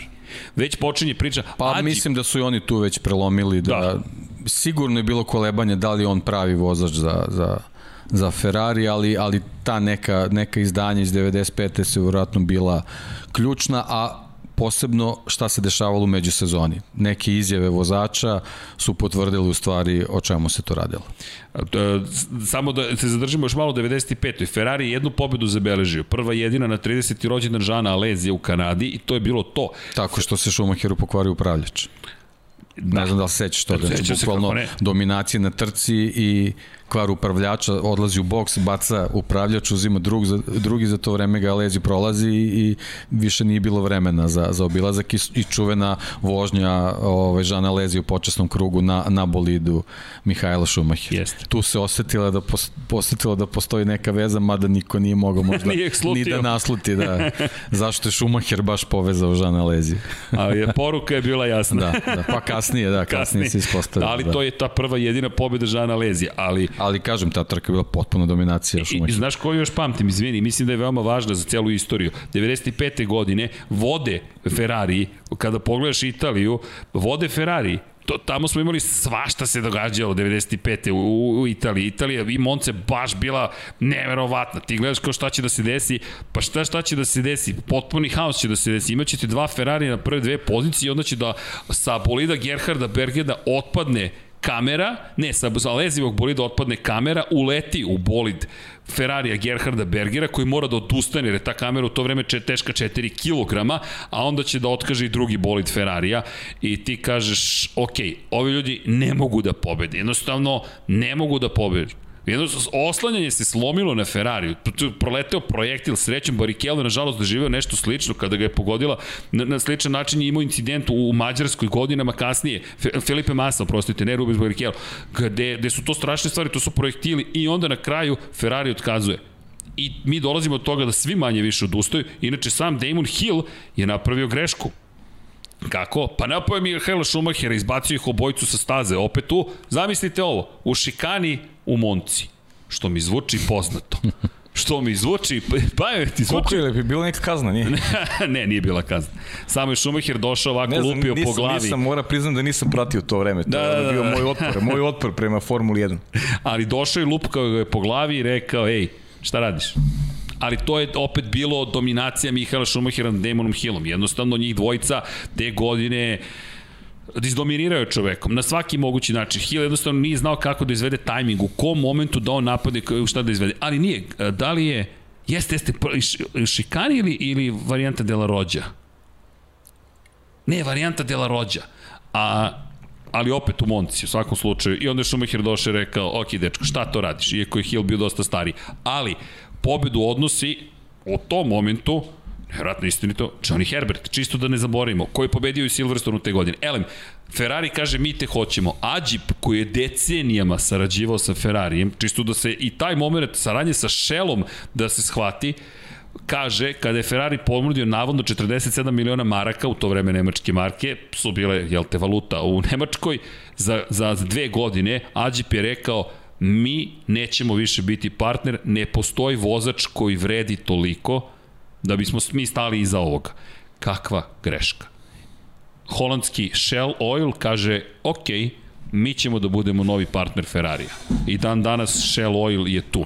Ali to počinje sa Mihaelom Schumacherom, koji umeđu vremenu kaže celoj ekipi Benettona manje više, osim Flavio Bretorio, hoćete sa mnom da pravimo Pa Ferrari. dobro, nije, nije odmah, nije odmah, odmah, odmah ali... počela priča, zato što je on 96. praktično stigao sa, sa sa, da nastupa sa završenim bolidom Johna da, da, Barnarda. Ali, ljude, ljude, o ljudima. Barnardova zver, da, ali, da, da, ali, okay. ali ovaj, tu, tu hoću da kažem, tu, je, tu, je, ovaj, tu su bile te zanimljive izjave vozača gde e, su da, stvari da. videlo tek tu je počelo u stvari da se vidi zašto i Mihajl Schumacher želi da dođe u Ferrari, jer je njemu jednostavno bilo potrebno da, da dođe u veliku ekipu da bi u stvari tamo dokazao svoj, svoj, svoj kvalitet, a ono što smo već spomenuli, ako postoji neki izazov, to je sigurno Ferrari koji toliko godina čeka titulu i ti samo u Ferrariju sa, sa tifozima koje, kojima je trebalo vreme da, da ga prihvate i da, i, i da, da ga, da ga ovaj,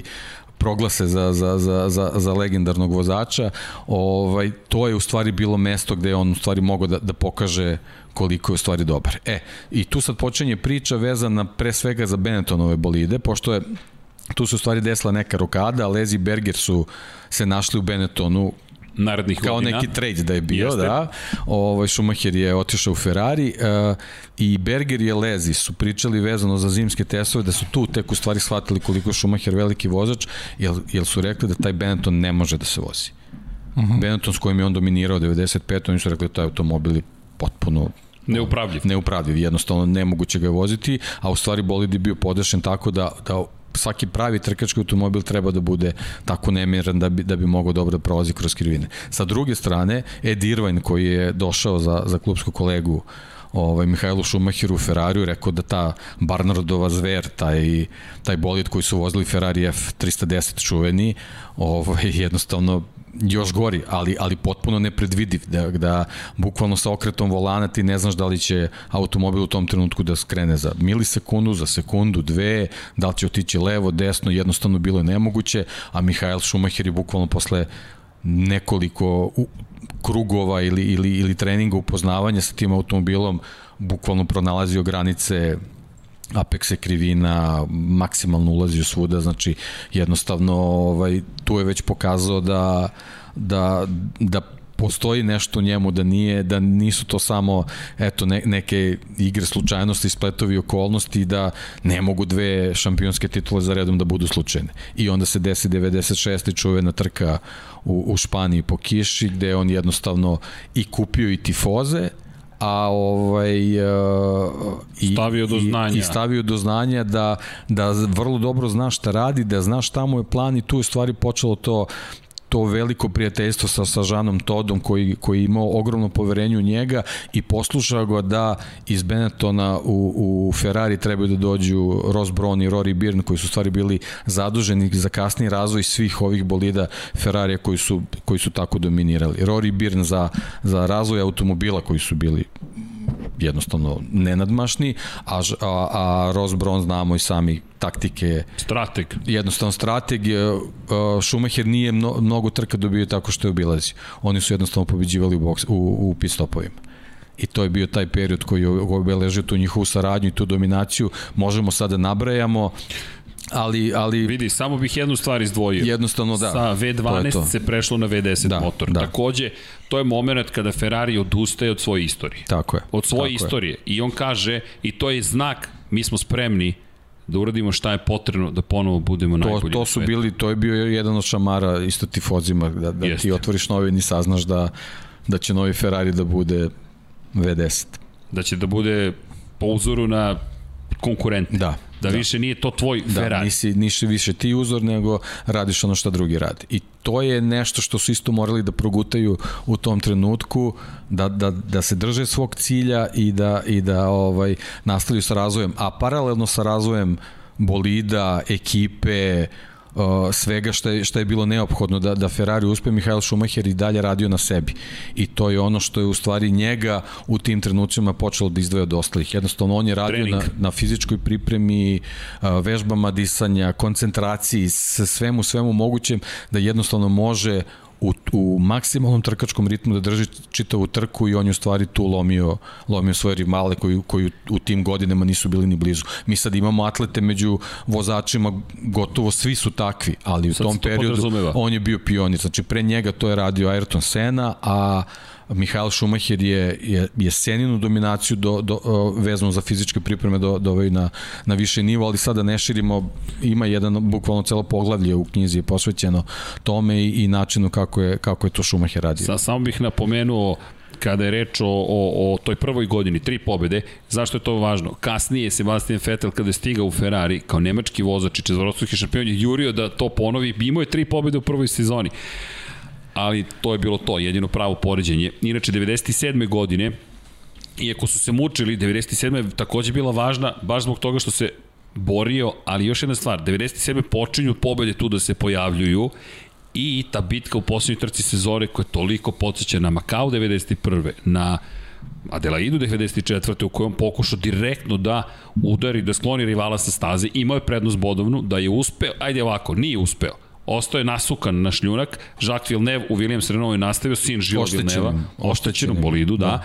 Uspeo je da dođe do treće pozicije, McLareni su pobedili, prva pobeda za McLaren Mercedese, važ, pazi kako se, sve se Inače, slaže. jako važno ta trka, borba za pol poziciju. Pa, Imali smo ah, tri, tri vozača, čuvena u hiljadi tinki su ovaj, da. Tri vozači identično vreme. Frentzen, Jacques Villeneuve i Damon Hill. I, ili tako? Damon Hill, Damon u Eruzu. Da, da. U Eruzu, to, ako se ja dobro sećam. Ili Schumacher, ne, mislim da je Schumacher. Schumacher, ne, Hill je bio četvrti da. sa zaostatak Mislim da je Schumacher bio. Sad ću ti reći tako da, da Schumacher je u pravu. Da, a, a, vozio je vreme za pol poziciju, nije imao, tako da je, da je Evo. eto, ta hiljaditinka kada je odlučila možda ne, bi, ne bismo pričali to 97. godine na taj način. Jacques Villeneuve, prvi je zabeležio. Inače, ko prvi zabeleži vreme, njemu pripada bolja Tako pozicija. Tako je, pa 1.21, 0.72 i isto pravilo. Proveravao sam u pravilniku za 2021. Isto pravilo važi.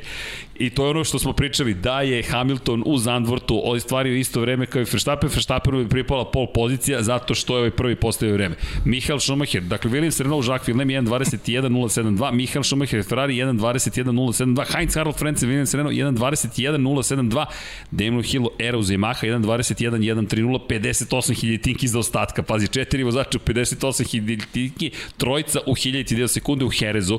I taj moment kada on udara Žaka Vilneva na nasukava se, ali moment kada on stane na zidić i čeka da vidi u sledećih krugu da li će Vilnev proći, Vilnev kada je prošao se išao sa zida i otišao, jer je shvatio da možda neće osvojiti titulu, slike koje identične su onima iz Adelaide. To ono tako što je bilo neverovatno. I Schumacher koji je ocrnjen te sezone ponovo, to je to crno, crveno, crno, crveno, crno, emocije racio, emocije racio, emocije racio, pali, gasi. Zato si ja ovdje crno. Da, pa ne, mislim ja i yes. kad, kad, ne uključujem vas se kad sam razmišljao, kad sam razmišljao o, o naslovu knjige, mislim jednostavno čitava njegova priča je bila to crno-belo ili crno ili belo. Međutim, jednostavno zbog, zbog te, te priče o, sa Ferrari morala je ta crvena boja da, da, pa da se ubaci. To je jednostavno, to crveno u stvari, a, bez obzira na sve negativnosti koje su crne, to crveno je u stvari pozitivno u toj priči i njegova veličina je upravo u tome što je taj Ferrari koji u tom trenutku, mislim, ne smo da, da Ne smemo da zaboravimo. ne smemo da ne smemo da zaboravimo. Morao si na kraju da, da ovaj... Ali ponelo ga, vidi. Ponelo je, ne vredi. A, 97. A, to je praktično a, a, bolid koji Mihajlo Šumacher količio, to je bila samo evolucija bolida iz 96. Yes. Još uvek Rory Byrne nije, nije a, predstavio svoj, svoj automobil, tako da a, a, njemu je bukvalno jedna sezona bila dovoljna da se, da se adaptira na Ferrari, da već 97. uđe u borbu za titul. Nažalost, da to se, to se završilo tako kako se završilo, njemu su svi bodovi oduzeti, da, ostale su, sada, da, ostale su samo pobede da se broje. Da. Ovaj, ali to je velika sramota, ali jako ti si obrisan. Tako je, ali ne, to je, pa i, i on je više puta kasnije u intervjuima rekao da ako nešto bi mogao da vrati u životu, to je, to je taj trenutak tog udarca u, u, u Žaka Vilneva i to je jednostavno na taj način i priznao da je, da je, da je to namerno radio. Izvini, Vanja da. mi ovde poručuje ti, tiho, slek. Pogledat ću nema ništa da brineš. Ali, ali Vanja ovde koordinira stvari maksimalno. Kaže, da. šta da radim za live u 22H? Pa mislim da će se pomeriti pravo da ti kažem kako smo krenuli. Nisam siguran da možemo baš u 12 minuta to sve da izvedemo. Ali ćemo pokušati da budemo ekspeditivniji Mislim da smo se podcenili deki. To jest podcenili smo koliko ima tu stvari da se kaže, ali mogu Pa dobro, nećemo puno da kažemo, ima toga u knjizi. Ima toga u knjizi. Mi, mi ovde, mi ovde samo prolazimo, da. Pa ja se, ja se generalno trudim da ne, da ne, ne, ne ulazim u detalje, zato što stvarno može mnogo dugo, dugo da traje, a ovo je samo eto, jedan način samo da, da se podsjetimo na, na, na, na karijeru ček. Mihajla Šumahira bez da, da sad ulazimo ovaj, da, da, da imamo neka pravdan ili da ga dodatno crnimo. Jednostavno samo, samo iznosimo te, te neke konstatacije i činjenici, neke stvari od kojih on nije, nije pobegao. Znači, dakle, 97. je generalno taj trenutak je najcrniji moment u, u njegovoj karijeri i nešto što ga je obeležilo i nešto što opravdava sve koji sumnjaju neke druge negativne stvari koje radi u karijeri, ali nešto što ne može da mu se spori je da je jednostavno njegov izazov karijere i, i, i, i njegovo, njegovo stvari dostignuće karijere to što je uradio sa Ferrarijem i na koji način je okupio tu ekipu zajedno sa Jean Todom koji, koji je postao njegov veliki prijatelj. Mislim, Jean Todt je jedan od redkih ljudi sa strane koji, koji je, kojem je dan danas dozvoljeno da, da obilazi Mihajla Šumahera, tako da Jeste. to neko prijateljstvo koje, koje je izgrađeno traje, imali su i oni zajedno veliki gluposti, mislim, možemo sad, sad da preskačemo ovaj, uh -huh. godine, recimo konkretno 2002. Ne, ne, i velika na nagradna Austrije, to je stvari ogromna glupost Žana Toda i, i, i Rosa Brona koji su u nekom potpuno nebitnom trenutku sezone natrali Rubensa Barikela koji je dominirao trkom u Austriji da, da, da prepusti pobedu Mihajlu Šumacheru gde se na kraju sezone isposlao da je apsolutno nepotrebno, nepotrebno. bilo da to urade, ali, ali i to je pripisano Mihajlu Šumacheru, iako on nije specijalno uticao na, na, na, na, na, na taj trenutak, ali ako je nekom bilo neprijatno na, na pobedničkom postolju, ako je neko doživio te, te zvižduke i gore nego što jesu, to je sigurno Mihajl Šumacher. Čekaj, ali mi, nešto deki, uh, ajmo ovako, mi, Mihajl Šumacher zaslužuje jedno 7 sati možemo da pričamo o njemu ali očigledno da, da, da previše toga imamo na programu večera što želimo da postignemo i da uradimo da bismo ovo uradili na adekvatan način. Seti se samo Rosijevog specijala koji traje 5 i po sati. Djeluje da, mi da je da, to... To je, da, to je adekvatno tome, mislim. Da, evo je... ima molba, pomerite film ili promenite šta radite. Da sad, sad vidi, sad se lomim gde ćemo da, gde ćemo da nastavimo celu ovu priču i kako sada da izvedemo, da ispoštujemo sve. Da li da uh, produžimo pa da pomerimo ovo i ili da prosto, jer, znaš kako, evo reći ću ti vrlo, vrlo jednostavno. Ovo je zanimljivije od Netflixovog dokumentarca. Sedeti sa vama dvojicom ovde i pričati o Mihalu Je to spoiler Paku. alert ili... Spoiler alert, jeste, ali imamo, e, imamo, ali imamo i Paju koji ima neke određene obaveze koji mora da nas napusti. Da, da, ja ću da ali, vas napustim sigurno. Deki, hoćeš ti ja da nas... Kako god želiš, mislim. Ja želim. Ja mislim da Mihael da. Schumacher zaslužuje. Znaš kako, Iskreno. zaslužuje sigurno, ja, pritom ja stvarno nisam, ovo, ja sam iskreno rekao, nisam fan, eto, u koji meri poštujem čoveka šta uradio za Ferrari i tako dalje, ovaj, ali e, i čak taj period karijere njegove nisam ni ispratio mnogo, niti sam pratio generalno poučen onim što se desilo. Prosto ja nisam mogu da prihvatim da nekog ja volim više nema i nisam mogu da gledam. Jednostavno to je to je bila moja filozofija tada i ovaj i neke stvari koje sam večera čuo, verujem i prvi put sam ih i čuo, vezano za, za Mihajla Šumehera i s tim u vezi uh, ovaj, ova knjiga će mi... Jesi naručio mnogo knjigu? Zna, pa obavezno, obavezno. Ali zaista, stvarno. Neki svaka čast i... Hvala. Da. I ovaj, neke sa srećemo. Ovaj, Hvala ti. Kad je knjiga u pitanju, naravno, mnogo toga si već sada izne ovde u emisiji. da, da. Pa, znaš kako, što je Srđan rekao, mislim, priča o Schumacheru može da traje beskonačno. beskonačno. Pa vidim, vidim ja, sam, ja da ćete vi da ste, da ste već uzeli onako... Knjiga je nekako, mislim, imao sam na umu da, da, da probam da, da, da sažmem tu čitavu priču ovaj, na način da i neko koji ne prati Formulu 1 može da uzme i da pročita i da, da na, na, na neki onako pitak način u stvari skapira kakva je filozofija sportska i životna bila Mihajla Šumahera i nadam se da i dalje. Mislim da jednostavno da, da, da ti principi kako se borio da, da, da ostvari svoje snove ovaj, na sportskom planu i kako se borio da zaštiti svoju porodicu, da se i danas tako bori sa tim problemima zdravstvenim koji su, eto, nažalost ga zadesili posle te skijaške nesreće. Ovaj, tako da, eto, to, to je bila moja ideja kad je, kad je ova knjiga i nastajala. Eto, samo, samo zahvaljujući sređenju sam stvari dobio priliku da sve ono što sam morao da sažmem u nekom da. trenutku čisto iz tehničkih razloga sada u stvari bude u nekoj firmi, u nekoj formi kako, kako sam ja u stvari želeo da, da Evo, da to pa, izgleda. Paja Guru, imaš pozdrav iz Splita, tako je Pajo, pozdrav iz Splita. pozdrav, pa mislim to je sad ljudi stvar afiniteta naravno mislim. Pa da, ali to je ono što smo i pričali, prosto kako kako to su lične stvari kako pa lične stvari pa to je ono to ja sam se nadovezao ono od juče što sam pričao zato sad mogu sa sa tim godinama da kažem ljudi teško je kad si klinac da da neke stvari izbalansiraš na pravi način ali s godinama ti je prosto to vrlo lako je, ono, sazrevaš i lako ti je da, da neke stvari odmiriš onako kako ti smatraš da je realno, ne da gledaš iz, iz nekog navijačkog, mislim, Mihajlo Šumacher, ja, ja pro, poštujem brojke. Ja poštem broj. Kad ocenjuješ najbolje svih vremena, ti gledaš brojke. Ne, ne, ne postoji drugi reper.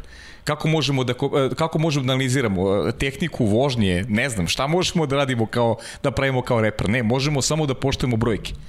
A brojke su nemilosrdne brojke, jasno ukazuju ko su ti vozači koji su obeležili istoriju ovog sporta. Da, ajmo kada smo kada kada je reč o o, o surovim brojkama. Ajmo da bacimo pogled vanja na na par stvari. Na par stvari. Da inače samo da objasnim kada je reč o filmu, mi ne možemo da prikažemo film. Film se prikazuje na Netflixu. Mi samo šta možemo da ga mi gledamo i komentarišemo zajedno sa vama. Tako da mi nemamo prava da emitujemo film. Pa to možemo ideja zajedno bila, da, da. Tako je. Da ovde kao što smo sa Rosijevo Tako je, konferencijom. sad sam to htio da kažem. Znači, na, na sličan način ko je gledao, Tako to je je. otprilike to. Tako da. je.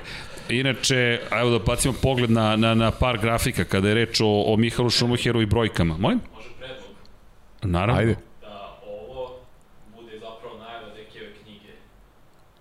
Da iz toga idete Pa, u... ne, ne, zato što rekli smo ljudima da je specijal, da smo rekli najava knjige, onda bi bilo okej okay da kažemo da je najava knjige, ali mi nismo rekli najava knjige, ovo je posvećeno Šumahiru. A Deki, ja ću ja da, da gnjavim za knjigu do, do, do pamti veka, a, zato što u suprotnom, to je ono false advertisement. Ti- ti samo- Dođite da pričamo o Šumahiru, ali mi smo vam prodali knjigu. Ne, Ne, zaboravi ne, ne. samo da imaš, pričamo šta imaš ovaj u... U 2 i 2. Da. Inače, ko želi, ja ostajem ovde kao mohikanac, lansiram Innovation, in, Inspiration 4 u 2.02.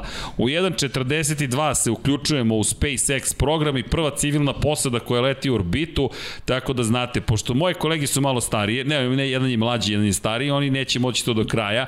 O, ovaj mladić tamo Vanja će ostati sa mnom i, i možda Dom Pablo, i Dom Pablo već je u fazonu, ja ne. Ali, ali, ali, Kada govorimo o specijalu, šta hoću da kažem? Da smo hteli da reklamiramo knjigu, mi bismo to radili. Knjiga, Ne, nema, nije ovo... knjiga je...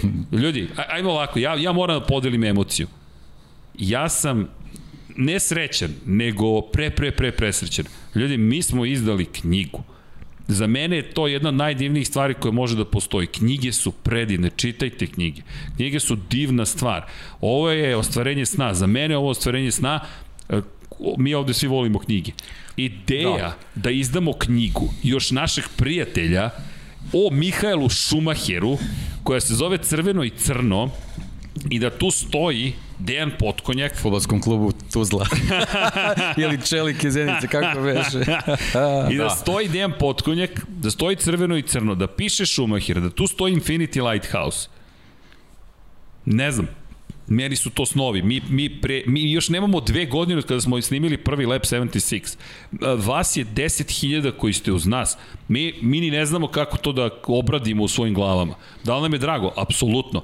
Ali koliko god da smo ekstrovertni, mi smo introvertne osobe, mi smo intimni ljudi, a vas je 10.000. Da, ja pričam mnogo i sve to okej, okay, ali suštinski smo mi zatvoreni ljudi. Ovo je nama priča, jednostavno ovo su naše strasti ljubavi. Mi smo izdali knjigu i nije ovo reklama za knjigu. Mi smo spojili naše snove, naše ljubavi, naše strasti. Strast je između ostalog i kada se pojavi neko u Formuli 1 koji je kontroverzan i kažeš pa, jel prešao granicu nije prešao? I prelazio granicu, i razvlačio je granicu, i mešao je crveno, i mešao je crno, ali kada pričamo eto dokumentarcu, e, nemojte da mi zaverite, ja sam napravio grešku u planiranju. Mislio sam, da, ispričamo, pa će to da ide brzo. Ne može da ide brzo. Kad, sad kad pogledam, kada se vratimo kroz vreme, Mihael Schumacher je, što kažu, seminal person, ključna ličnost u modernoj Formuli 1. I dan danas, ovo su tragovi Mihaela Schumachera. Jednostavno, o, o, o, njegovi momenti su definisali ono što se i danas dešava. Evo, pogledajte o čemu mi pričamo. On je bio tu i za prvu pobedu McLaren Mercedesa. On je bio tu kada su se dešavale promene tehnološke. On je bio tu kada su se dešavale promene o Ferrari. On je bio tu kada su se dešavale promene o On tome je da... stupio mesto Miha, o, Lewisu Hamiltonu. Ustupio mesto Luisu Hamiltonu, upravo tako. Pa da, Čekaj. to je činjenica. Kimiju Raikonenu, e, samo da ne zaboravimo i to, nije Felipe Massa osvojio titulu za Ferrari. I nije, Felipe Massa je vozio sa I, Schumacherom. iako je Schumacher sedeo u delu garaže gde je bio Jeste, Felipe Massa i ali protežirao Massa. u njegovu kabinu je ušao Kimi Raikkonen i osvojio titulu. Njegovu kabinu je ušao Lewis Hamilton i osvojio titulu. Mi pričamo o čoveku koji je bio tu da, eto, Ađip ode, da V12 ode iz Ferrarija, da Ferrari postane sila koja dominira, koja otvara nove granice. On je bio tu u momentu kada se završava jedna zlatna era, jedna druga zlatna era. On je bio tu u momentu kada se Mercedes vratio. Hej, Mercedes kada se vratio, on se, on se isto vratio. Mi pričamo o čoveku koji je toliko toga. Ja sad kada pomislim, čekaj, i Jean Todt se pojavi, to ima veze s Benettonom, Gerhard Berger, Pirelijeve gume, pobede u Meksiku, sve to ima veze sa Schumacherom, Nelson Piquet, Ayrton Senna, Nigel Mansell, šta sve nije čovjek spojio kao da je Nexus, tačka spajanja. I sad mi izdajemo knjigu posvećenu njemu. Tako da, Vanja, razumem te, ti si vrlo pametan jedan čovek, a ja možda ne toliko, ali sam ja emotivan i onda mene više voze emocije. Ne zamerite na tome, ali ja mislim stvarno da, da ovo da zaslužuje. Pavle, nažalost, prosto ima obaveze neke, ne zamerite, mada možda bismo mogli Vanju da ubacimo u hot seat, ali čovjek je fera, ne, ne, ne, ne, hvala, ne o Schumacheru, ali činjenica je da Da ne brini, prepovorit ćeš ovo drugi dvoplan, Vanja. Ovaj dvoplan još nismo imali, a? To je ovaj... Odavde. Znaš kako, ja sam ovaj, to je, ovo je poštovanje prema delu. Jeste. Ja ću imati, o, za mene je poštovanje prema delu, ovo će biti druga knjiga Crveno i crno koju ću imati u kolekciji. Preporuka čitate i Stendala. Stendala. Nobelovca, sjajna knjiga, tako da, deki... I uđite u suštinu ve, zašto, veliki, je, zašto veliki, je crveno i crno. Tako je, da, veliki izazov je, razumeš, crveno i crno, Da. O, obavezno pročitajte obe knjige. Pročitajte obe da biste shvatili zašto se ova zove. Tako je, tako je, tako je. E da i napravio sam grešku, ovaj čovjek me ispravlja, izvinjavam se. 97. Kultor jeste pobedio Australiji na otvaranju sezone. To je prva pobjeda Mike Hakinena, hvala na tome. Ali dalje istorija. A McLaren, I to je zapravo kada su postali West McLaren, kada su, kada su odustali od Marlbora, to je isto bila velika promjena, više nisam bio crveno, crveno-beli McLaren. Izvini, Pavle. Ništa, ja sam rekao šta sam imao za kraj, za, maj, kraj za tvoj kraj. izlaganja, da. Ideš, ili kartica? Dakle, čitajte crno i crno. Čekaj, kartica od sledeće nedelje, sada po uzećem samo. Keš, može keš. Samo solarno plaćanje. Biće ti lakše mi, znaš. Ne, ne, moraš da platiš staviš, firmi zato što je to sada ušlo u magazin da bi izašlo iz magazina Dobro, ulaz okay, izlaz. Okay, ja sam sad u raljama gotovo je. PDV mora da se plati. U raljama život. Izvini. Da. Ali ne, ćete napraviti mali break da se ne, da ja iskočim ili ne, šta ili ne, da ne, samo ćemo ovako. prebacimo na, na, na, na mene, pošto ti onda možeš da izađeš, pošto ne sečeš tu kameru, a onda ćemo sve ostalo da organizujemo. Kako? Da me, da, da, da me zovete? A? Da zovem hranu. A, Vanja kaže, sponsor ovog podcasta je Srđan Erceg i duguje mi hranu. Šta, obično sam mu rekao, ostaću i do 5 ujutro ukoliko treba, ali ti si dužan da bezbediš hranu. Pa, pošteno što. Vanja, sredit ćemo. Rešit ćemo pitanje hrane, nemoj ništa da brineš. Što se tiče dokumentarca, i ko zna dok će traje ova noć. Deki neće biti pa, za znam, kosmos, ne brinite. Srđane, ali dokumentar mora da završi do dva i dokumentarca. Kako? Do dva mora da završi dokumentarca. Pa, pazi, on traje sati 52. Ako krenemo u, na primjer, 23.40, imamo 10 minuta da promenimo scenografiju i sve završimo. Deki. Se hvata za glavu, nemoj sad da ga prikazuješ, Vanja, nije mu dobro, ali sam se upleo gde? Ušao je u the dark side, a ja se izvinjam, ali kad, Vanja, možeš mo klimu, molim te, ja znam da tebi hladno, ali ovde se ovi stari ljudi tope, a Dom Pablo, što se nije obuko bolje, došao u Bermudama e, čovjek. Ovo samo kažem, bilo mi je zadovoljstvo. Hvala, Pajo. Slušati priču o, o Schumacheru, ja stvarno, ovaj, ne bi nas više uznemirao. Pa, mislim, kako bih vam rekao, kad bude bio specijal u Seni, možemo brbljamo 12 sati. tako, da. da 12 sati da. možemo brbljamo u Ayrtonu, a Vidi, ali ispunjavamo ono što smo obećali. Čekali ne, ne, smo ne, ovaj naravno, specijal. Naravno, i kažem, moj motiv je bio ovaj čovjek preko puta mene, veliko poštovanje Hvala, pa i, i to je to. Jeste. Pajo, Ništa. Budi dobar. Ajde. Drži vam fige. Ko pobeđuje, Liverpool ili Milano? Ste gde ste ja, čuti, ne, ne. Nestem na muku. Pakao. Pakao. 1-0, 1-2. 1-2 1-0, pa je sad 1-2, da. A klasika za 2 minuta, 2 komada. A vidu si, i pa bio je, to sam vidio, bio je penal za Liverpool na 1-0, znaš? Da ti bude teže. Dobro, ništa, ajde. Pa klasika, to je, klasika. to je sve okej. Okay. Momci, uživajte. Pajo. Bilo je zadovoljstvo kao i uvijek. Volim te. Takođe. Volim ja vas. Da, Paja nam odlazi, prosto neke obaveze, eto, planiranje, čujte, i planovi najbolji kad se postave čudno se završe, ali ne zamerite, gledat ćemo dokumentarac, a što se tiče dokumentarca, ostaće tamo zabeleženo u YouTube-u kao novi stream. Deki, u raljama si Mihajla Šumahira i Srđana Ercega, šta da ti kažem? Obrisat ćeš, ne Vanja, pomeri vreme, 23.30 stavi. Ako treba, ja sam ću biti, ne brini nešto sad emotivne ucene Dekija Potkonjaka koji se kaže zašto, zašto, ali... Ne, ne, pa, ne, naravno, ne pada, to je činjenica. Urednik Pada ne pada. nešto drugo, Pada da. nešto drugo tamo, ruši se studio. Ali znamo mi gde smo stali. Stali smo u 1997. godini. I, i, i, i iskreno, e, Mihael Schumacher pa je spomenuo sad da li je navio, da li ne navio. Ja, kada je reč o Mihaelu Schumacheru, indiferentan svakako nisam bio, ali već tad sam bio novinar, drugačije posmatraš. Znaš ti cijelo je rekao u uvodu. I mi smo obožavaoci istovremeno, ali su istovremeno i novinari. Drugačije je, vi sebe naterate da drugačije posmatrate prosto Formulu 1 i da posmatrate to čime se bavite jednostavno imate potpuno nekako drugo, čekaj, Vanja, hoćeš nešto drugo da izvedemo? Ne, samo ja da pustim i da vas da radite iza kulisa i da pričam. Dobro, pojent je u sledećem. E, Trudite se da, da sebi stvorite u glavi jasnu ulogu. Kao glumac da ste, da vi sada nemate pravo na samo navijanje. Vi morate da sagledavate stvari što je objektivnije moguće. To je ono što je Pavle rekao. Sad, Schumacher je zaista veoma kontroverzna ličnost. Toliko toga došlo je sa njim u Formulu 1 to ovo sve što smo ispričali, da se ne ponavljam, da, da, da, da je bilo vrlo teško proceniti gde sada ovog čoveka smestiti u celoj priči.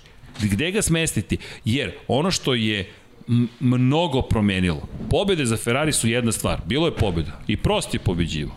I Mansell je uspevao ponekad da pobedi. Žana Lezi jedna pobeda. Berger je pobeđivo. Bilo je tu pobednika. Niko od Šehtera nije osvojio titulu. I, taj, i ta ideja 1997. godine da postoji šansa da se osvoji titula za tifozije je bila, vidi, to je kao neki san da se dešava. I onda standardna priča opet razočaranje. Opet razočaranje i sada imaš čoveka koji pride diskvalifikovan iz šampionata, njemu je obrisano, on je obrisan, ako uzmete rezultate zvanične 1997. godine, on je čovjek obrisan. Ne postoji u šampionatu sveta Mihael Schumacher 1997. godine, ne postoji. To je to je za jednog od najvećih vozača svih vremena takva mrlja, kao što si rekao, to, to zaovek stoji. Ali on je bio tu nadomak cilja. I onda dolazi 1998. godina sa svim ovim promenama koje su se desile, gde se menja stvar. Zašto se menja stvar? To je prvi put da on ulazi u situaciju da se u njega, uslovno rečeno, počinje da sumnja. Zašto? Pa dobro, da li ćeš ti zaista nama doneti tu titulu ili nećeš doneti tu titulu, tim ostaje nepromenjen. To je sada već treća godina saradnje Mihala Šumahira i Edija Irvena. Obećano je da ćeš osvojiti titulu, međutim pojavljuje se Mika Hakinen koji otvara sezonu posle te pobede 1997. sa još dve pobede, Schumacher ne završava prvu trku, treći u drugoj trci, spada prva pobeda, ali sad se pojavlja i David Coulthard kao pobednik u McLaren Mercedesu, imaš novog rivala. Williams Renault završeno je. Williams Mekahrom je 98. već godine nastupio, Heinz Harald Frenzen kao zamena za Demona Hilla slabo, jedna pobeda samo i generalno Williamsova era tu je nažalost došao kraj te vrste dominacije. Kasnije je bilo sa BMW-om novih uspeha, ali nikada tako nešto. I sad Schumacher koji ima krizu na početku, počinje da ređa pobede i završnica je uzbudljiva, ali kraj sezone završen je opet bez osvajanja šampionske titule. Bez osvajanja šampionske titule i ti sada dolaziš, pazite, to je sada 96. 97. 98. To su sada tri godine. Sada dolazimo do četvrte godine, 1999. godina. Sada moraš da osvojiš titulu. To, sa, i, I sad još prede dolazimo do godišnice. 20. godišnice poslednje titule. Međutim, kada pogledaš kako je počela sezona, Michael Schumacher, Australiji daleko od idealnog, ono što je bilo pozitivno u celoj priči, da je Eddie Irvine zabeležio pobedu za Ferrari, međutim, Mika Hakinen opet nešto bolje. Jedna čudna godina, ta 1999. godina. Niko tu nije bio najbriljantniji. Dosta pobednika. Imali smo čak i neverovatno u istini, ali istinito u Jordanu Heinza Haralda Frencena koji beleži pobedu.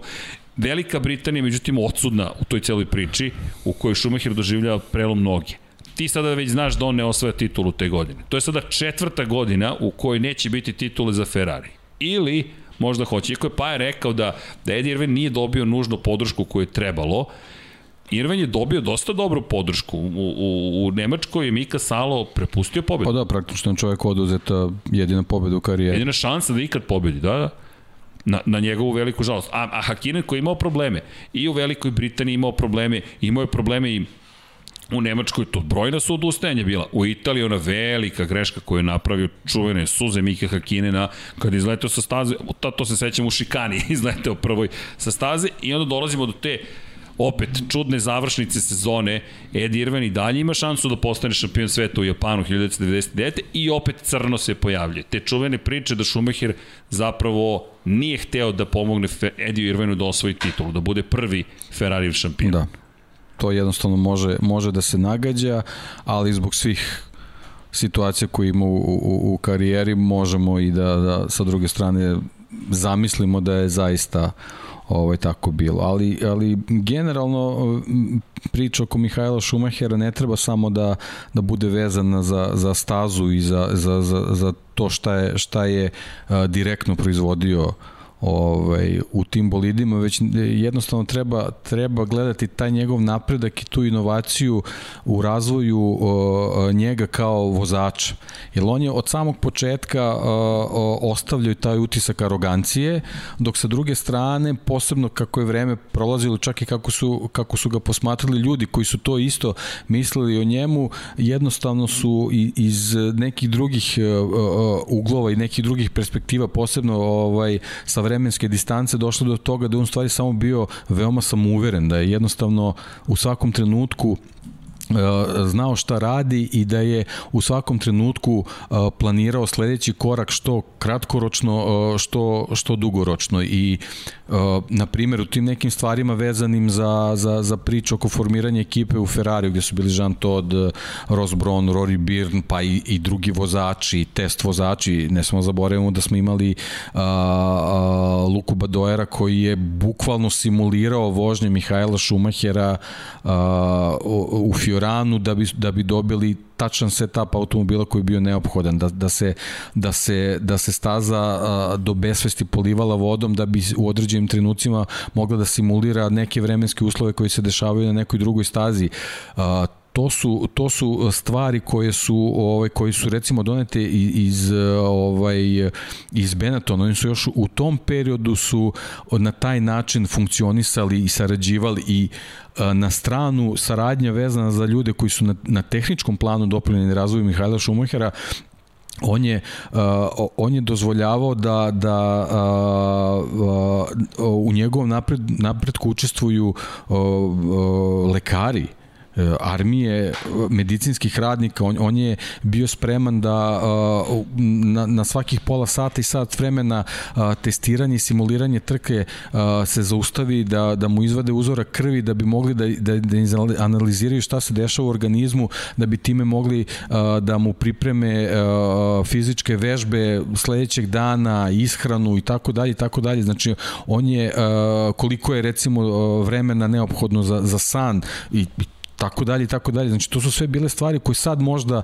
mogu da deluju kao nešto uobičajeno, jer sad svi imaju neke ove, svoje lične trenere i, i, i savjetnike, tako dalje, ali u to vreme to, to nije toliko postojalo. I, inovacije je doneo Ayrton Senna sa Nunom Kobrom, koji je sa njim radio na, na ovaj, tim, tim nekim pripremama vezanim za, za izdržljivost možda u nekim ranijim periodima i Niki Lauda koji je na, na, na sličan način se uporavljao svojih uh, povreda i, i opekotina koje za, zadobiju u Nürburgringu, ali sva ta iskustva koji su oni doneli, recimo uh, Mick Duan u, u Moto Grand Prix koji takođe radio na ergonomiji srca kako bi mogao u istom ritmu da vozi trko 45 minuta i na taj način da, da ovaj lomi svoje rivale zato što znamo da je, da je jednostavno bio imao je veliki, veliki hendikep možemo tako nazovemo zbog, zbog teške povrede noge. Da je tek kad je na taj način radio na sebi u stvari mogao, mogao da, da parira rivalima. Sva ta njihova iskustva Mihajl Šumacher je podigao ne, ne za stepenicu na viši nivo, nego je otišao mnogo, mnogo koraka unazad i u principu ta njegova fizička priprema uz sve ove tehničke detalje koje je ekipa donela do njega su dovela do toga da on jako brzo po dolasku Ferrari koji bio na, ne, ne možem sad da kažem na stramputice, ali jednostavno nije bio ono što se očekuje na nižem nivou. Na nižem nivou, on je jednostavno vrlo brzo došao u situaciju da se, da se bori za, za šampionsku titulu. I to je ono što je možda i prevagnulo a, kod tifoza voza da, da počnu da ovaj da počnu da, da, da, da ga ovaj jednostavno da smatruju idolom, ali mislim da i ta 96. i pobeda u Monci donela do toga da, da oni kažu hej pa čekaj ovo je, ovo je možda stvarno ono što nam treba. Nešto, nešto meni, kako, na što to mene podsjeća, cijela priča o Šumahiru. kao, to je period kada smo imali, kažem na početku sam rekao, čovek za koga znaš da će pobediti. U to vreme era Michaela Jordana, dve ere, dva puta po tri titule. Sad, ok, Last Dance je, verujem da je inicirao dokumentarac na, na Netflixu, iskreno, to je sportski dokumentarac, jednom, pff, Drive to Survive i sve ostalo, i Untold Stories i tako dalje. I Schumacher mi deluje kao čovek, za razliku od Jordana, na primjer, koji je dobio firm, Jerry Krause, Jerry Reinsdorf su formirali jedan tim, on je svakako učestvovao u tome, posredno, neposredno, bojkot Kontonije Kukoča, način na koji su ga prihvatili, to jest ne prihvatili, pa prihvatili, mora da se izbori za svoju poziciju pod suncem. Schumacher mi deluje kao čovek koji je formirao sobstvenu ekipu da bi tek onda na stazi mogao da pokaže koliko je velik vozač. I ono što je Pavle rekao, ko, koja je veličina vozača u pitanju kada ti dođeš u situaciju da zapravo i Benettonom pobeđuješ, tu je dobio ekipu, ali onda ali nije postao, dobio imidž. Tako je, e, to je to. E, ali sad ima, ima, par, ima tu još jedna stvar. On je dovukao svoj tim, stvorio ga jer je znao sa ovim ljudima ja mogu da igram najbolje što je moguće. I ti kada pogledaš... To je pre svega njegova velika sposobnost analize svakog. I zato je on u stvari ljudima delovao kao arogantan, on je u stvari verovatno vrlo koncentrisan bio u svakom trenutku i bukvalno je svaki, svaki detalj pratio i vodio računa. Ako je crveno racionalnost, a ako je, ako govorimo o, hajmo ovako, crveno je emocija, crno je racio, da tako kažemo. Schumacher koji, kad je uključeno crno, deluje kao da je sa druge planete ali ne na jedan human način, nego gotovo dehumanizovan način, kao da kalkulator non stop radi, međutim, on je takođe bio vrlo samokritičan. To isto ne treba da se zaboravi. Ljudi sposobni za samokritiku mogu da napreduju. To ne smemo da zaboravim. Ukro sam ti rečenicu, čekaj. Inače, mislim da dvoplan Vanja ovde pokušava da reši, ali nešto ga muke muče tantalove. Ne brini Vanja, sve je u redu, važno je, važne su priče i emocije, ali deluje mi zaista da je formirao svoj tim. Jer ako pogledaš, na primjer, koliko Ross Brown tu bio važan, seti se, ne znam, Mađarske 1996. godine. Tri stajanja, sve idu na jedno ili dva stajanja. On ima tri stajanja na stazi na koje je teško preticati. To je jedno... 98. 98. godine, izvini. Da, da. Uh, 98. kada je zabeležio onu neverovatnu pobedu. To je, to je neverovatno. Pa to je ta pobjeda. priča o tom njihovom odnosu. On je, on je bio apsolutno siguran u sebe, ali mu je naravno, zato što je sport takav kakav jeste, bila, da. bila neophodna kalkulacija iz boksa. I tu se pojavio Ross Brown kao, kao jednostavno čovek koji je ono dominirao svoje mogućnosti da bukvalno u, u, u, u, u par sekundi uh, nekoliko varijanti ovaj, i, i nekoliko scenarija razvije u glavi be, bez, bez pomoći računara, papira i tako dalje, nego jednostavno bukvalno ima sposobnost da, da u glavi to razradi i da, da, da prenese Mihajlu Šumacheru ono šta treba da uradi, što za sve druge apsolutno nemoguće izgleda i da onda Mihajl Šumacher to bukvalno ponovi preneseno u vreme kruga. I on jednostavno, ovaj, i što se tiče Rosa Brone, to je on više puta ponovio. Ta trka 98. u Mađarskoj je jedini način kako je bio moguć da, Mogu se, da se pobedi, da se pobedi da. Su, su bila ta tri stajanja što se toga tiče načina kako je kako je egzekucija izvedena, ovo što se Ross Browna tiče, to je najbolja trka njihove zajedničke ere. Ne, to su te neke trke koje su ključne. Belgija 95. godine, 96. Španiju koju si spomenuo, to je emotiv, emotivna da, trka. Da, ali to je, to je možda taj samokritični moment, što si rekao, on je pre toga uh, u Monaku prethodna trka je bila isto po lošim vremenskim uslovima, dominirao je tom trkom i slupao se. On je, uh, on je jednostavno, to sebi nije mogao da oprosti. I uh, možda je proizvod tog besa uh, besa koji je emocija, kao što ti kažeš, ali na jedan potpuno sračunati kalkulantski način Schumacher je izvezao sledeću trku u Španiji, gde je apsolutno porazio, on je imao minut i, i desetak, 15 sekundi prednosti, onda je malo nešto motor počeo Ferrari da trokira pa malo uspori, ali, ali on je tu trku pobedio sa 45 sekundi prednosti iza, iza drugoplasiranog, da, tako da, da to je bilo. Spominješ te prednosti. I mislim da su tu, tu su žmarci tifozima počeli, čak i ako neko te je bio protiv dolaska Šumahera, ta trka je bila, ta prva pobeda je bila ono, Znaš crvena potpuno. Nek, najbolje pobede je ostvario u periodu kada se gradio Ferrari. Ti kada Tako pogledaš je. novi Millennium... Pa on, oni u tim, tim godinama, za redko koji automobil koji on vozio mogla se kaže do, dominantan. Uključujući taj, uključujući taj 95. za kojeg su Alezi i Berger dvojica izuzetno talentovanih vozača i iskusnih vozača rekli da je to automobil koji ne može da se vozi. Pa, pazi ovo, pazi ovo. Kada pričaš o minutaži, 1997. velika nagrada Belgije. On je posle petog kruga imao 40 sekundi prednosti. Da, po, to je besmisleno. Deki, to je 8 sekundi po krugu. To je besmisleno. Ti si, ajde jedan krug, ajde dva kruga, ali to je sad na nivou Sene u Monaku 1998. 1988. gde ti ne znam ni šta radiš, samo što je Schumacher bio racionalni i rekao stani, ok, da. završio posao, ali 40 Pazi, ajmo, ajmo, ajmo ovo da pogledamo, grafika, pričali smo o grafikama. Šta bih da, šta bih da spomenem? Ne, ne to, ne to, pobede u Ferrariju, molim vas, pobede u Ferrariju. Šta hoću da napomenem? Deki, Deki, smeješ se, ja se smejem. Čekaj, Mihael Schumacher, 72 pobede u Ferrariju. Mi pričamo o Nikiju Laudi koji je imao 15 pobeda. Osvojio čovjek dve titule s Ferrarijem. Treću osvojio s McLarenom. Jedini kome je to pošlo za ruku. Sebastian Vettel, 14 pobjeda u Ferrari. Alberto Oscari, 13. Fernando Alonso 11, Felipe Massa 11.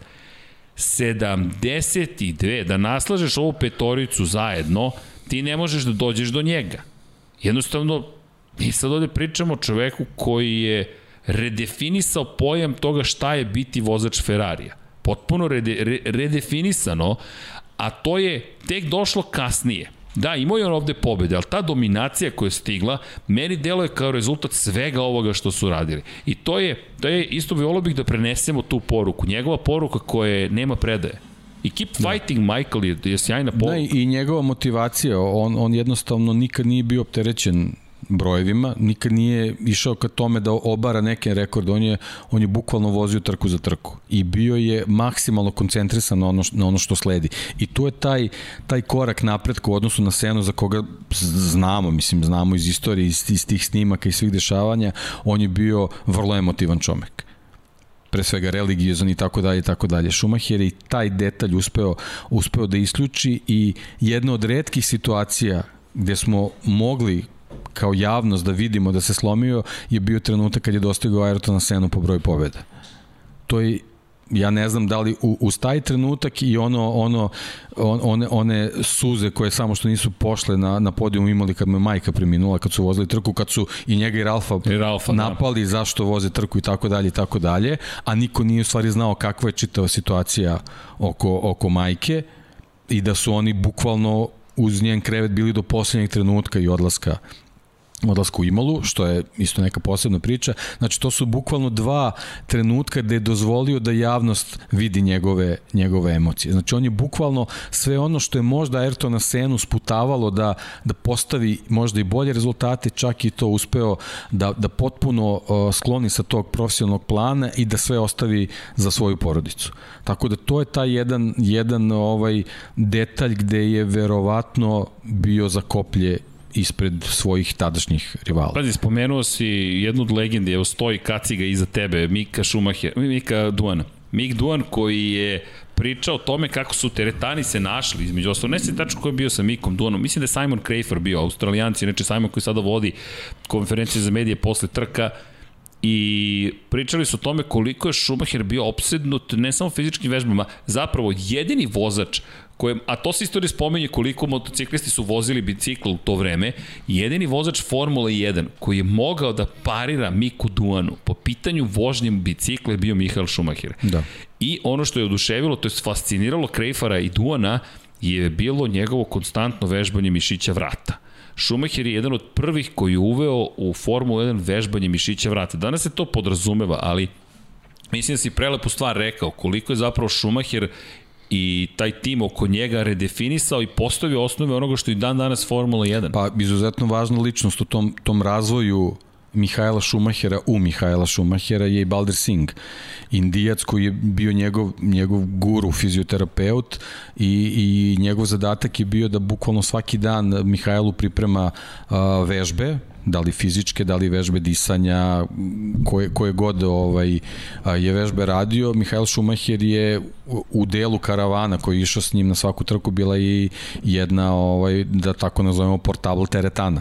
Znači, on je bukvalno svaki trenutak koristio za, za, za vežbe, naravno bicikli su bili tu i naravno da ne pričamo, to nismo ni, ni spomenuli, njegova ljubav ka, ka futbalu, ovaj, stoje priče da, da, je obavezan rekvizit u, u svakom avionu i svakom privatnom letu na, na, na, na destinaciju vezano trke bila futbalska lopta, tako da sport u svakom trenutku, maksimalan rad na sebi, maksimalna posvećenost i potpuna koncentracija na kompletan posao koji ekipa radi u pripremi bolide za trku. To je jednostavno bila bio, bio ključ, ali to nije recept da kažemo da sad neko to može da ponovi u fazonu kao otkrije toplu vodu i to je to. Ne, ti jednostavno moraš uh, moraš da, da imaš motivaciju i da budeš maksimalno posvećen da bi to mogao da radiš na taj način. Njegovi rivali u tom trenutku apsolutno nisu bili spremni na to i to je između oslog jedna od stvari koja ih je lomila u, u ključnim trenucima uz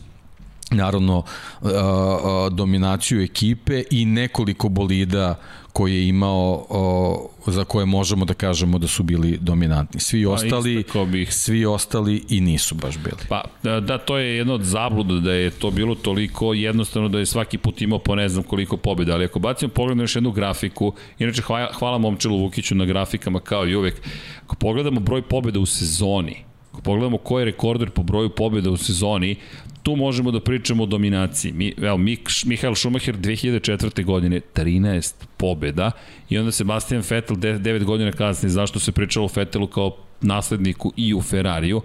I onda Michael Schumacher 11 pobjeda 2002. Sebastian Vettel 11 pobjeda 2011. Hamilton 2014. 18. 20. Manje trka smo imali tada. Schumacher je pobedio na njih 13. Neverovatna jedna faza pod dominacije. Kažu, nismo videli takvu dominaciju. Pa nismo u tom kontekstu što je imao različite rivale. Mi, kada pričamo o 2001. na primjer, već tu je, ajmo, ajmo da se, ajmo, ajmo, ajmo, ajmo čuvenu titulu samo da pokrijemo kratko, 2000. godina. To je taj moment, početak tri pobede. Tri pobede, to je onaj moment koji, koji liči na Benetton. Aha, počelo je problemi za Miko Hakinena, osvaja pol pozicije, ne završava trke, na poziciji broj 2. Dve titule u tom momentu ima Mika Hakinen. Bilo je tu problema, svašta se dešavalo s McLarenom, ali počelo je na načina koji su negde bili navikli. Puno problema da, u sredini važna sezona. stvar, Schumacher ulazi u sezonu posle oporavka od loma Jeste. noge. Ono što si pričao, to je bilo Tako dosta, je. to je bilo dosta problema. Tako je. Ali je uspeo da počne sezonu na jedan neverovatan način. I uprkos problemima, četiri odustajanja u sredini sezone i velikom povratku Mike Hakinena u igru, završnica je bila maestralna. Četiri pobjede za redom, ono što im je nedostajalo i ono što je bilo potrebno i taj moment u kojem su tifozi shvatili ej, mi imamo titulu šampiona sveta posle 21 godine. Niko nije ni salutio šta dolazi. Ja se sad naježem kad to pomislim. Nevažno je ko je to ostvario to je Schumacher učinilo trostrukim šampionom sveta u tom momentu. Ja mislim da niko od nas nije očekivao 91 pobedu i 7 titula prvaka sveta. Pet za redom svakako nismo očekivali, jer to ga dovodi u situaciju da to niko nikada nije postigao. Do tog momenta tri titule. Ayrton Senna tri titula, ti si sa Senom izjednačio, četiri titula ima prost, pet titula u istoriji Juan Manuel Fangio. Mi pričamo o vrlo redkim vozačima koji dođu do dve, kamoli tri, o četiri gotovo da ne sanjamo. Ali to je početak nečeg zaista neverovatnog. To je moment kada sve to što se dešavalo u prethodnoj deceniji, sve one kockice koje smo slagali praktično, su dovele do toga da taj tim Ferrarija dođe na poziciju broj 1 i da kruniše sav taj nevjerojatni trud. I onda kada se brana otvori, brana se otvorila. I eto, 2000. godina, to je tako počelo, prosto 2002. godina, 2001. godina, oprostite, to je, to je, to je deklasiranje rivala. To je deklasiranje, imao duplo više poena na kraju sezone. On, on nije duplo, ali imao je 123-65, imao drugoplasirani David Coulter, ali to je, po, to je moment kada, ej, ovo je sada četvrta titula, hvala, Fiorano, čisto da, da malo bacimo pogled na to kako je to izgledalo u, u nekoj drugoj eri, mnogo manji bolidi, evo, i sa bratom, u Kanadi, Montreal 2001. uz Miko Hakinena, to, su, to je taj period. To je, to je bukvalno taj period. Jedna, jedna od redkih drugih pozicija ali Schumacher koji nosio broj 1 na, na ponosno na, na svom bolidu, to vreme se to tome nije ni diskutovalo i Schumacher koji je inače svojom robnom markom takođe privlačio mnogo, mnogo veliku pažnju. On je nosi sivačima imao potpis Mihael Schumacher. Ne znam kolika je bila industrija oko Mihaela Schumachera već Pa tada. ogromno, spomenuo si Michael Jordana, Schumacher je vozač koji je doneo Nike u, u, u, u Formulu 1. To su bili milionski ugovori i, i, i na taj način je doneo neku novu priču u, ovaj, u, u svet eh, Formule 1 koja je generalno već bila ovaj, ono, važila za sport u kojim se vrti ogroman novac, ali uh, način na koji su Willi Weber i Mihail Schumacher to uradili, to je ponovo otišlo na, na neki drugi nivo. I veliko krunisanje 2002. godine sa tih 11 pobjeda u sezoni, ali poenta te godine je što je on postao petostruki da, svetski taj, šampion. Taj bolid iz 2002. taj 051, to je po meni sigurno u pet najboljih bolida svih, svih vremena, vremena da. da, da, uključujući prošlogodišnji Mercedes To su, to su dva bolida koji su obeležili ovaj određene ere zaista. Da, evo manji kur, to je da. Pa to je godina potpore dominacije. On je sve trke završio za početak i sve trke završio na pobedničkom postolju. 11 pobjeda, ljudi, 11 pobjeda. Pet puta je bio drugi, jednom pa, je bio treći. Kuriozitet je sezona počela u bolidu 050 to je, to je ovaj, bolid iz 2001. I, i, i, i samo je na drugoj trci čini mi se bio treći. I, jeste u Maleziji. Jeste, i od, od, od treće trke je 0.51 ovaj, da kažem, ustupio na scenu i mu, mi, Schumacher je sve trke završio na prvoj ili na drugoj poziciji. Tako da to je onako zaista sve, sve trke 2002. završio na podijum. U stvari to je, to je onako da, da, da zaokružimo i da podvučemo rečenicu. Tako da, da. To, je, to je stvarno bila ta dominacija, ali to je ono što si rekao, kad se 2000, 2000. godine taj, taj, taj period posta u Ferrariju prekinuo sa, sa tom titulom i tim nenormalnim slavljem u Japanu, ovaj, prolaskom kroz cilj, ovaj, što kažu, verovatno taj volan, pošto je od sreće toliko udarao, upravljač kaže da je verovatno morao da ide na servis ovaj, posle, posle trke, ovaj, kad se 2000, kad je prošao cilj, ciljem u Japanu, kad se tu otvorila priča, jednostavno to je bilo posle nezostavljivo, ta, ta, ta brana kad se provalila, krenula je ta poplava uspeha Mihajla Šumahera i Ferrarija i, i i jednostavno eto bili smo i svedoci i toga i te dominacije na koji način je to rađeno nažalost eto i u tim godinama dominacije dešavale su se te te neke Austrija Austrija 2002. to smo već spomenuli ne, neverovatna situacija gde eto kažem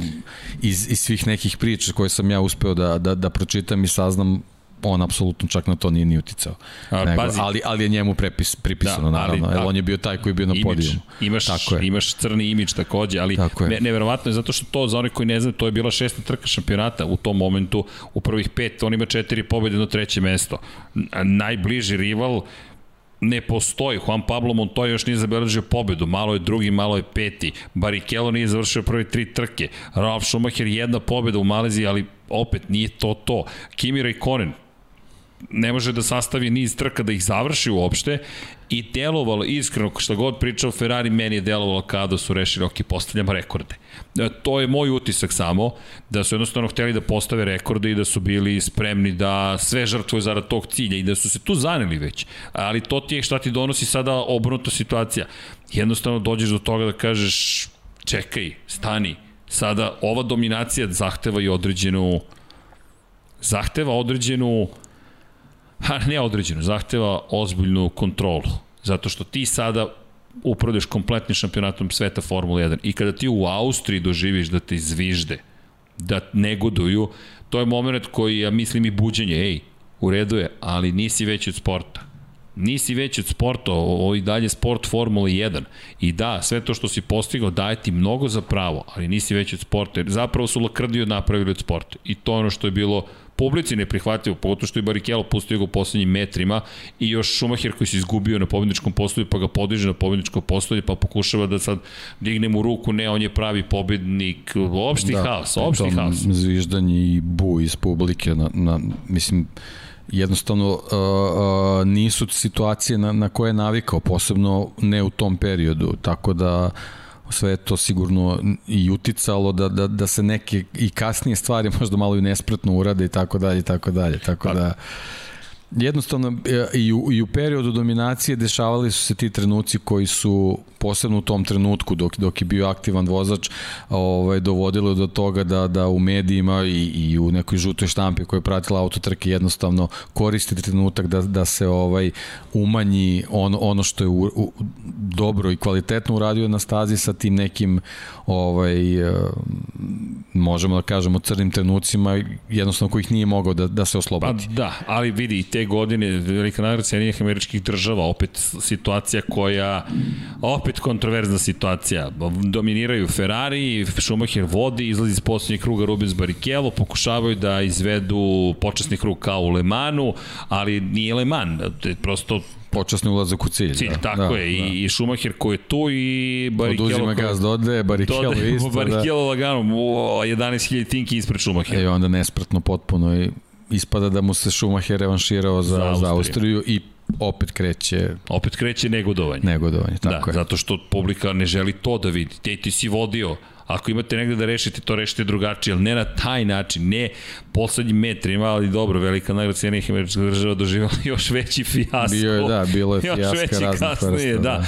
Ali opet i toj godini gde mi dominacije što ti kažeš, to je to. Zato meni tvoj naslov savršen, crveno i crno, sve je opisao. Jednostavno toliko toga je rečeno, zaista genijalno. Zaista, neverovatno, ali Schumacher u svakom slučaju, prosto ta priča nije ni toliko zanimljiva iz te perspektive. Ti kada pogledaš ta priča o, o bici koja je dovela kasnije do ovoga, nije nezanimljiva. Impresivno statistički gledano, ljudi, to je godina demoliranja protivnika. 144 poena, Rubens Barrichello ima 77. Naravno, iz, bod, iz perspektive bodova ovogodišnjeg šampionata to je drugačije. 10, 6, 4, 3, 2, 1 su bili poeni za prvih šest. Jednostavno to tako izgledalo. Ali 2003. godine, tu, tu sad već ima bitku. Tu ima bitku. Kimi Raikkonen je stasao, McLaren počinje opet da funkcioniše, konstantan je bio, više pobjeda mnogo za Schumacher, ali na kraju godine samo dva poena razlike. To je, to je bila ozbiljna drama. I opet veličanstvena završica za Schumachera u Italiji i Americi pobeđuje kada je bilo potrebno, ali tu sada već vidiš i da je mora, sad si morao da se potrudiš. Međutim, ta 2003 mnogo je važna. Ti postaješ prvi u istoriji sa šest titula. Ti postaješ, ti prevazilaziš Juana Manuela Fanđa. Mi smo morali da čekamo 50 godina da bi neko prevazišao Fanđa. I ti to tebi polazi za rukom u jednoj ekipi koja te teško prihvatila, u kojoj su sponzori odlazili zato što ti dolaziš, došli su neki novi, ljudi koji si povukao sa sobom iz nekog Benetona koji je nastao zato što je porodica koja se bavi konfekcijom htjela da, da, da, da sponzoriše tim Formula 1, pa se pojavio neki Flavio Briatore koji je rekao, ma čekaj, ne moram ja da sečem budžet, mogu ja i da napravim nešto ovde. I Flavio koji inače imao čuvenu izjavu kako zalepi nalepnicu za bolid, koji za nekoliko grama oteža bolid i dođe mu Rory Birni i kaže, ne može da mi lepiš ove nalepnice. I Flavio kaže, ok, onda ti je budžet ovoliki I Rory Byrne kaže, ok, lepi nalepnice. lepi nalepnice, vrlo jednostavno, jer te nalepnice su dovele do toga da, evo ga, to je taj bolid iz 94. godine, Bitburger i ostali lepe nalepnice. I ti sad sve to spakuješ, osvojiš titule, naslediš neku generaciju, uđeš u Ferrari, stvoriš Ferrari koji prevario nas Schumacher nas je prevario da je Ferrari ozbiljniji tim nego što jeste, sada to vidimo mnogo godina kasnije, Ali on, znaš, dominiraš šesta titul ti sad pitaš 2004. šta? Više od dominacije. To kao da je bilo, mislim da je to, da je to šlag na tortu cele priče. To je poslednja šampionska godina, ali to je, deki, ja, ja ne znam, ovo pobjeda, pobjeda, pobjeda, pobjeda, jedno odustajanje, pobjeda, pobjeda, pobjeda, pobjeda, pobjeda, pobjeda, pobjeda, drugi mesto, drugo mesto, 12. pobjeda, sedmo mesto. Pol pozicije. Po, da. Neverovatna. Sezona koju ti može statistički i ovo je Kruna, kruna, da. Kruna. Simply the best. I nema potrebe šta da se dode. I gospodin koji drži tavlu. Gospodin Miodrag Kotor. Gospodin Miodrag Kotor. Za one koji ne znaju, sada šef ekipe Leopard Racinga. Ništa, sutra ga zovemo da vidimo šta radi. Kako je? Kažemo, imali smo specijalo Mihajlu Šumahiru.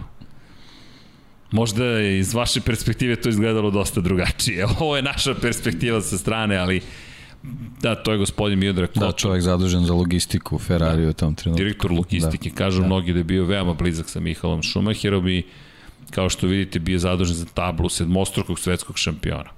Wow, kakva priča. Da, to je nekad bilo jako važno ko drži tu tablu, Jeste, tako da. Jeste.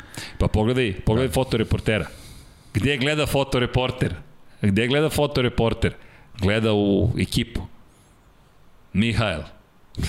ne, ne, nevjerovatna priča. On je na polovini sezone već se znalo, ali to je istovremeno i poslednja titula šampiona sveta. Sledeće godine se pojavio, kako to dođe, neka novi klinci da, se pojave. Ponovo kod Flavija Briatore. Kod Flavija Briatore, velika da, osveta Flavija. Da, ovoga puta Renault, Renault je ozbiljno ušao da. u priču i da sad već ovaj ekipa koja je mnogo mnogo godina bila zajedno, to nekako ono staro pravilo, jednostavno mora mora polako da da krene neka silazna putanja. Mihajlo isto već i u godinama i i on verovatno počinje da pokazuje ovaj ne neke e, zlake, znake slabosti u svim tim elementima koji su ga činile činili ne, nepobedivima kasnije smo videli jednostavno on je on je ovaj imao tu mnogo, mnogo još nekih interesa vezanih za druge sportove i jednostavno žel, želeo možda i, i to da upražnjava i onda nekako se izgubila se ta, ta, ta vatra, mada je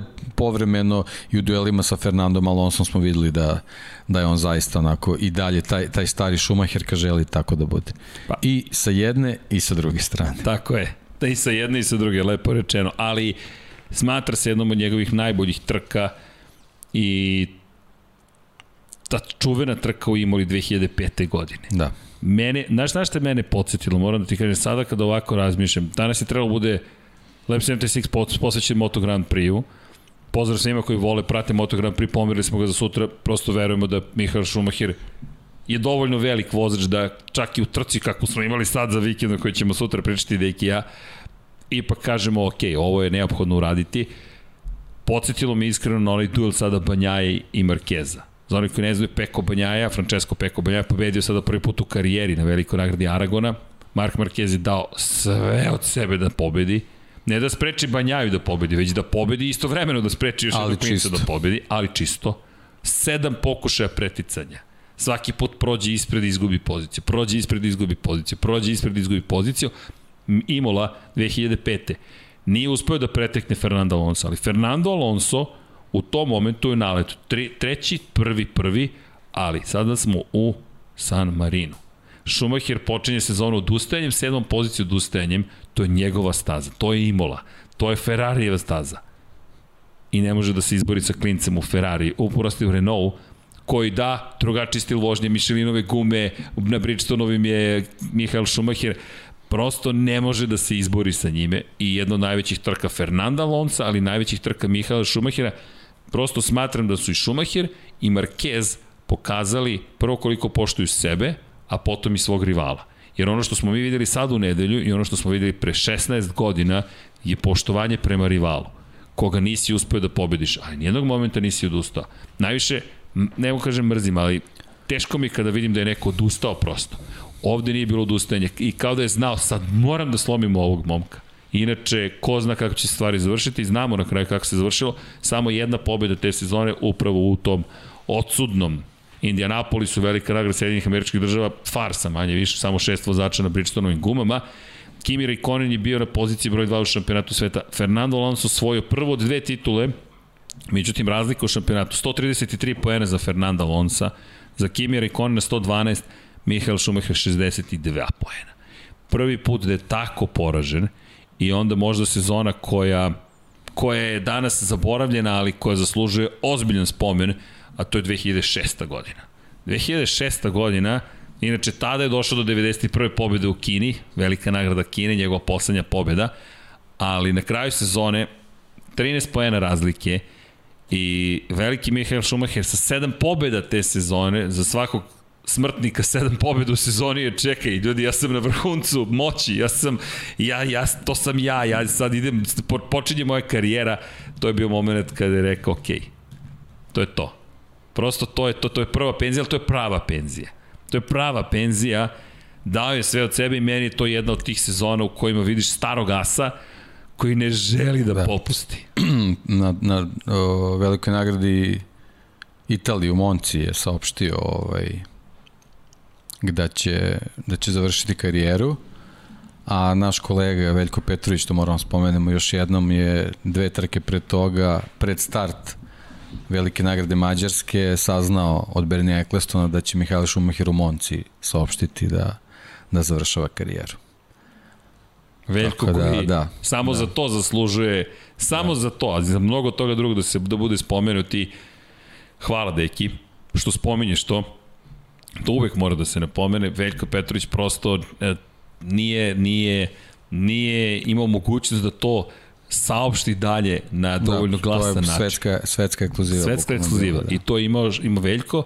Veljko koji je bio prosto sticam okolnosti u momentu kada je Berni pričao. Da, i veliki, veliki prijatelj Jeste. Slavice, Ekstra. Bernijeve tadašnje supruge, da, ovaj, zaista je, mislim, u tom trenutku jako malo ljudi na svetu je to, to znalo. A to je velika vest. Da. I u našem novinarskom svetu to vam je životna vest. Životna vest. Životna da, vest. To je vest karijere. To je vest karijere. To je jednostavno taj jedan od momenta. Neću da kažem, na primjer, za Andreju fotku da je, da je fotka karijere, bit će ih još, ali ljudi, ono je jedna od fotki karijere. Točak na glavi Luisa Hamiltona, Maxa Verstappena, Andrej Saković, naš kolega, prijatelj, čovjek koji sede upravo u toj stolici, nadam se da će nam uskoro ponovo biti, koji ide okolo i širi ljubav prema Lab 76 i fotografisao tako nešto. I sad, za razliku od Veljka, Andrej ima što nas, što društvene mreže, što vas. Jer to je to. Veljko zato danas dobija mnogo godina kasnije, eto 15 godina kasnije, zahvaljujući gospodinu Potkonjaku, još jednu priliku da bude spomenut i to je šteta ogromno što nije tada mogao da doživi taj delić slave, Veljko više nije sa nama i nismo zaboravili obećanje dato, ja i dalje stojim pred tome, hoću da biramo neki od najboljih vozača da im šaljemo. Prosto, to je čovek koji je pokrenuo neke stvari na ovim prostorima kada reč o prenosima Formule 1. Ja mislim da mi treba da pamtimo svoju priču o istoriji Formule 1 na ovim prostorima i sve ljude koji su učestvovali u tome. Veljko je učestvovao u tome. Ali da, te godine Schumacher je saopštio već u Mađarskoj se to mali broj ljudi znao, kao što si rekao. Tad je odlučio, na saopštio je u Monci. Saopštio je u Monci, gde je i pobedio. Gde je i pobedio, Gde je pobedio. pretposlednji put u karijeri. Tako je, 90. put u karijeri, 91. u Kini, nije uspeo u poslednje dve trke da dođe do triumfa, ali jedna zaslužena, više nego zaslužena penzija, ti odlaziš kao legenda, u tom momentu Fernando Alonso, inače odlazi u McLaren, počinje nova era, i šta ti je sada istorija, 2007. stiže jedan klinac, debitant, zove se Lewis Hamilton, za koga je Schumacher rekao, to je ono što je meni fascinantno, imate stare intervjue Mihaela Schumachera, kaže, pa dobro, moji rekordi, ali oni su tu da bi bili oboreni. Ko zna, možda će neko uskoro da ih obori, evo možda baš Lewis Hamilton. To je neverovatno, da on je rekao, možda baš Lewis Hamilton obori moj rekord. I ti ga gledaš i gledaš, ma daj, 91 pobedu, ajde, nemoj da se šališ, ko će to ikada da obori? Mi sad imamo čoveka koji ima 99 pobeda, juri 100, nikako da ostvari preko 100 pol pozicija, ali to je Mihael Schumacher izjavio. I koliko god Hamilton govori, ma ne, ne, ne, ja ne razmišljam o tome. Ja mu, ne da mu ne verujem, nego mu apsolutno ne verujem. Ja bi samo o tome razmišljao. Stota pobjeda i osma titula, stota pobjeda i osma titula, stota pobjeda i osma titula. Ti si veći od Mihaela Schumachera. Kraj kraj. Još da je to dodao u Ferrariju nešto, ma ne, to je, to, to je check out i kažete zatvorite i ja sam igricu završio. Ali Schumacher je sve to postavio.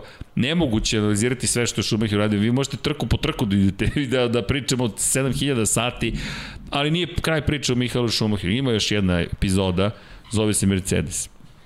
I taj povratak na stazu, Da, dobro, pred, pred te epizode tu je taj neki džep ovaj, gde se Schumacher jednostavno bavio tim ekstremnim sportovima koje, je, koji je Da. toliko, toliko voleo, a najekstremniji od njih je bio motociklizam. A pričali smo pričali smo u ovoj toj stolici je sedeo sede- čovek koga je udario Mihael Schumacher tokom, tokom trke Superbajku u nemačkom šampionatu, da. Ovaj, Pozdrav za Žeksa. Željko Staničić, da. ovaj, i, I te neke povrede posle tih padova sa motocikala su ovaj uh, uslovile da da da Schumacher da se ne vrati to, uh, prilikom povrede Filipe Mase koji se spominjao u Mađarskoj Da, Schumacher da. je trebao da bude taj koji će Masu da da da zameni mislim 2009 čini mi se da je to bilo ovo jednostavno posle lekarskih pregleda ustanovljeno je da povrede koje je zaradio posle pada s Da, vrat. motocikala, povrede vrata jednostavno ne dozvoljavaju da se u punoj formi vrati na, na, na Formula 1. A ovo, ovo što gledamo, ovo, ove ilustracije, ovo su vezane za razvoj motociklističkih kaciga, to je bukvalno u tom periodu dok je bila pauza, on, je, on, on se posvetio tome i, i razvio neke ka, kacige koji su vjerojatno sad možda u nekim novim Pa ovaj, znam jednu evolucijama. kacigu da, koja je spasila da. glavu našeg jednog prijatelja da. Ognjena, poklonio nam je kacigu, uništena kacina gal glava, ostala cela i baš je Šubertova. Da, tako da eto, to je, to je nešto i na čemu je Schumacher aktivno radio, a radio je, znamo, mislim, sa, sa FIOM još od, od perioda te 97. kad je ovaj, kad je to slavno diskvalifikovan, to jest neslavno diskvalifikovan, ovaj od tad je radio i na, na ovaj promociji bezbednosti. Evo, neki, može Vanja da ti doda. Izvini. Eto je kaciga. Šubertova. Kao što možete vidjeti. Ali glava je ostala cela. I to je to su te kacige između ostalog. Hvala Ognjene. Tako da, Mihajlu. Tako da ovaj, radio je, radio je na, na, na poboljšanju bezbednosti što motociklista, što automobilista, to je bilo u tom periodu, ali to jednostavno nije, nije, nije imao mira, što se kaže, jednostavno ekstremno skijanje, skydiving, motociklizam, to su jednostavno stvari koje uvek, uvek voleo da, da, da upražnjava, to je posebno mogu tim godinama kad nije vozio Formulu 1 ili jednostavno nije bio ve, više vezan ugovorima i onda je na neki drugi način ovaj, uspeo da zadovolji tu da. svoju potrebu, potrebu za, za adrenalinom, učestvovao je na, na, na ovaj, Race of Champions, onim čuvenim trkama, Jeste evo, evo, ovo su fotografije upravo odatle, jednostavno imao je potrebu da, da se takmiči ovaj. Da, evo vidimo ovde društvo sa Jensonom Buttonom, tu to ono ekipa bukvalno iz čela sveta, u pozadini vidimo Trevisa Pastranu, Fetela, Trevis Kulta. da, tako da Svi smo mi da, mislim da ono Peter Solberg tamo na kraju, iza, iza Schumachera o, Da, da, ono, ono je Peter Solberg što se vidi, da, tako da jednostavno u svaku, svakom trenutku je, da, evo, u akciju Grande Pontu na da, da, šampiona, da. O, tako da koristuje svaki trenutak i ono, nekako kad je stigao, stigao poziv iz Mercedesa, tačno od Rosa Brona, koji je tad bio ovaj, ovaj Bron GP praktično prepuštao Mercedesu, bilo je jasno da ovaj da da da neće odbiti taj poziv da se vrati, ali kad se vratio, ovaj jednostavno videlo se da to da to više nije oni šta, stari Schumacher kao kao da je da je još jedan deo tih tih ovaj karika koji su bile posložene u tom lancu uspeha da su da su jednostavno nedostajale.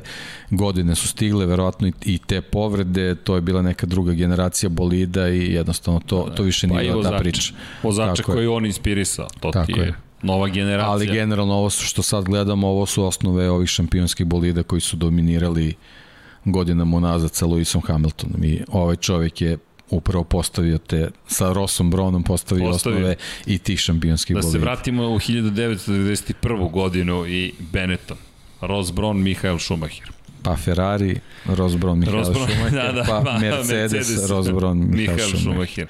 Da. Eto, prosto da se, da se ne zaboravi. Pa eto, da, da, to, to su jednostavno te tri godine Jest. u Mercedesu, 10. 11. i 12. nisu bile godine sa nekim posebnim pa da. rezultatima, jed, jedan podijum, da, imao je i Monako. Imao je parkiranje Monako, u Monaku, da, da, Čekaj, nismo spomenuli da parkiranje u, u, u, u Monaku Ferrari. Ferrari, kad to, je parkirao. To je stvari bilo, da, opet crno. taj neki rat sa, sa, ovaj, sa, sa, sa Fernandom, bilo da, i u da, da. Mađarskoj te 2006. Da, koju smo spominjali, ali tako da bilo je tu svašta Dobro, proboje. Dosledan sebi. Ne, pa to što si rekao, jednostavno proboj na taj način da, da, da vodi neki psihološki rat sa Fernandom, ali videlo se da, da će... Biki da, će da je bio u nekom Da, da, pa jednostavno vremena su se promenila e, i to je potpuno prirodno bilo tako on je da- inspirisao da, tu generaciju je, znala je šta je čeka znala je kako mora da se bori protiv koga mora da se bori i na koji način će da se bori.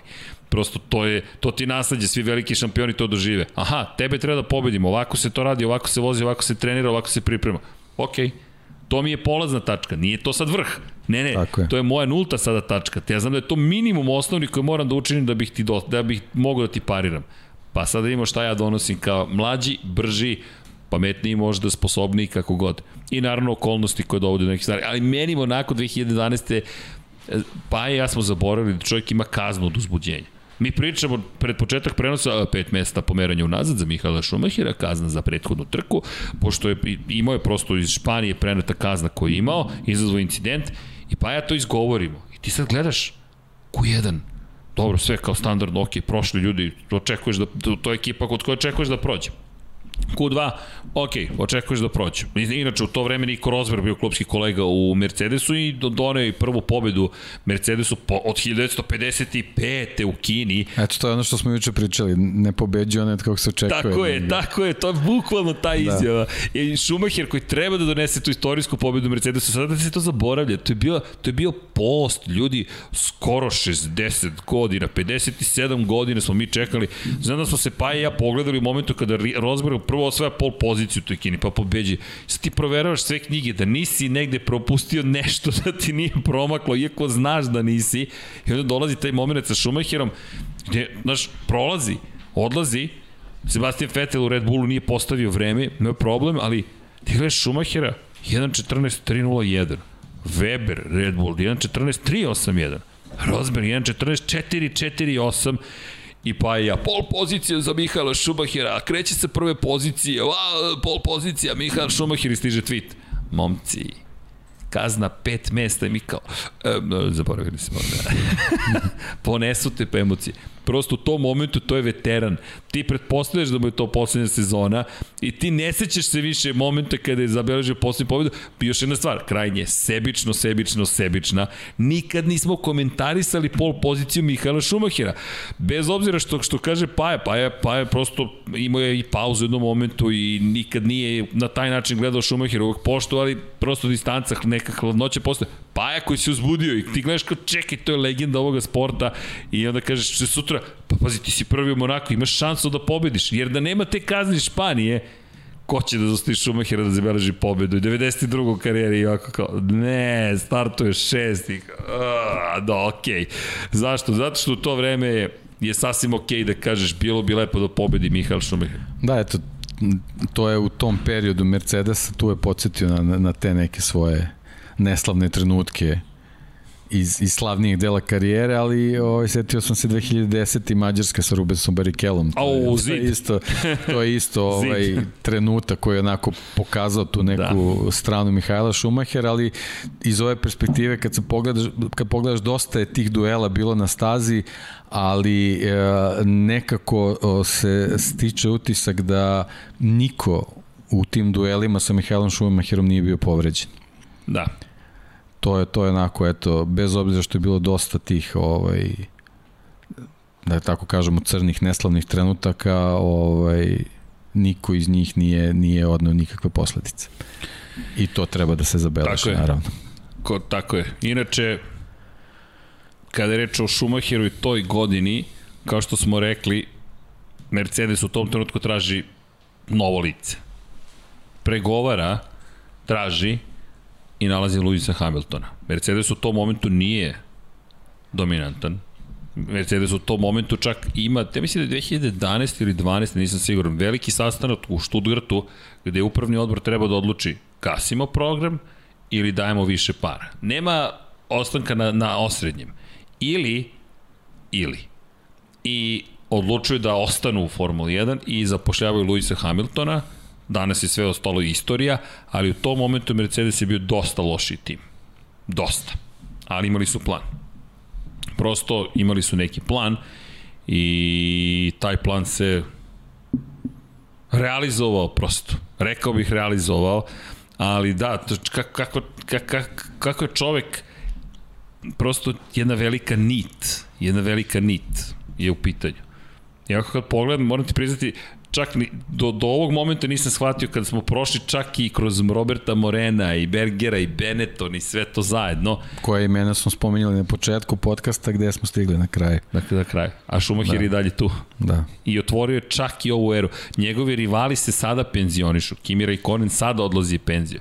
Fernando Alonso i dan danas vozi. Lewis Hamilton je i dalje, ne da je tu, nego oborio je njegove rekorde. Niko Rosberg osvojio titul i rekao ja ne bih više ovde ništa je dodavao. ne bih vas zadržavao. Ne bih vas zadržavao, ali... Da. Ali da. Fernando Alonso je tu. pa da, Fernando, pa to ti kažem, Fernando to, to, Alonso da. je, ne da je da. tu, nego mi sad hvalimo Fernando Alonso i, i kako je on to čovjek izveo. I da, evo zahtev da spomenemo Valenciju te godine. Pa da, poslednje pa pobedničko da, postavi, da, velika da. nagrada Evrope i to je taj moment oproštajni iz ove perspektive. Malo I možda trenutak koji je prelomio Mercedes da ostane. Da, može. Može i to da bude Ej. uz pobedu, uz pobedu Nika Rosberga. Ko da. može da kaže da, da nije. Da, da, to, to, je, to je bio lep moment. Vanja nam je kinuo, pa kao da pade sve u Nazdravlje. studiju. Nazdravlje, Vanja. Nemoj da se uzdržavaš kijanje, zato što to može da te povredi. Ozbiljno, bolje da kineš i da to publika čuje, mi smo ovde autentični i iskreni, nego da mi povrediš pluća. Ferrari, inače, na toj trci pobedio. Fernando Alonso bio ispred Kimijera i Konena. Čisto da kada već spominjemo rivale u Valenciji se je stajao upravo, možda je to i prikladno. Stoji Ferrari, stoji Lotus Renault i stojiš ti u Mercedesu. Sa svojim više nego dobrim starim rivalima. Ali eto, lepo. I odbranio se od, od, red, od Marka Webera na kraju trke.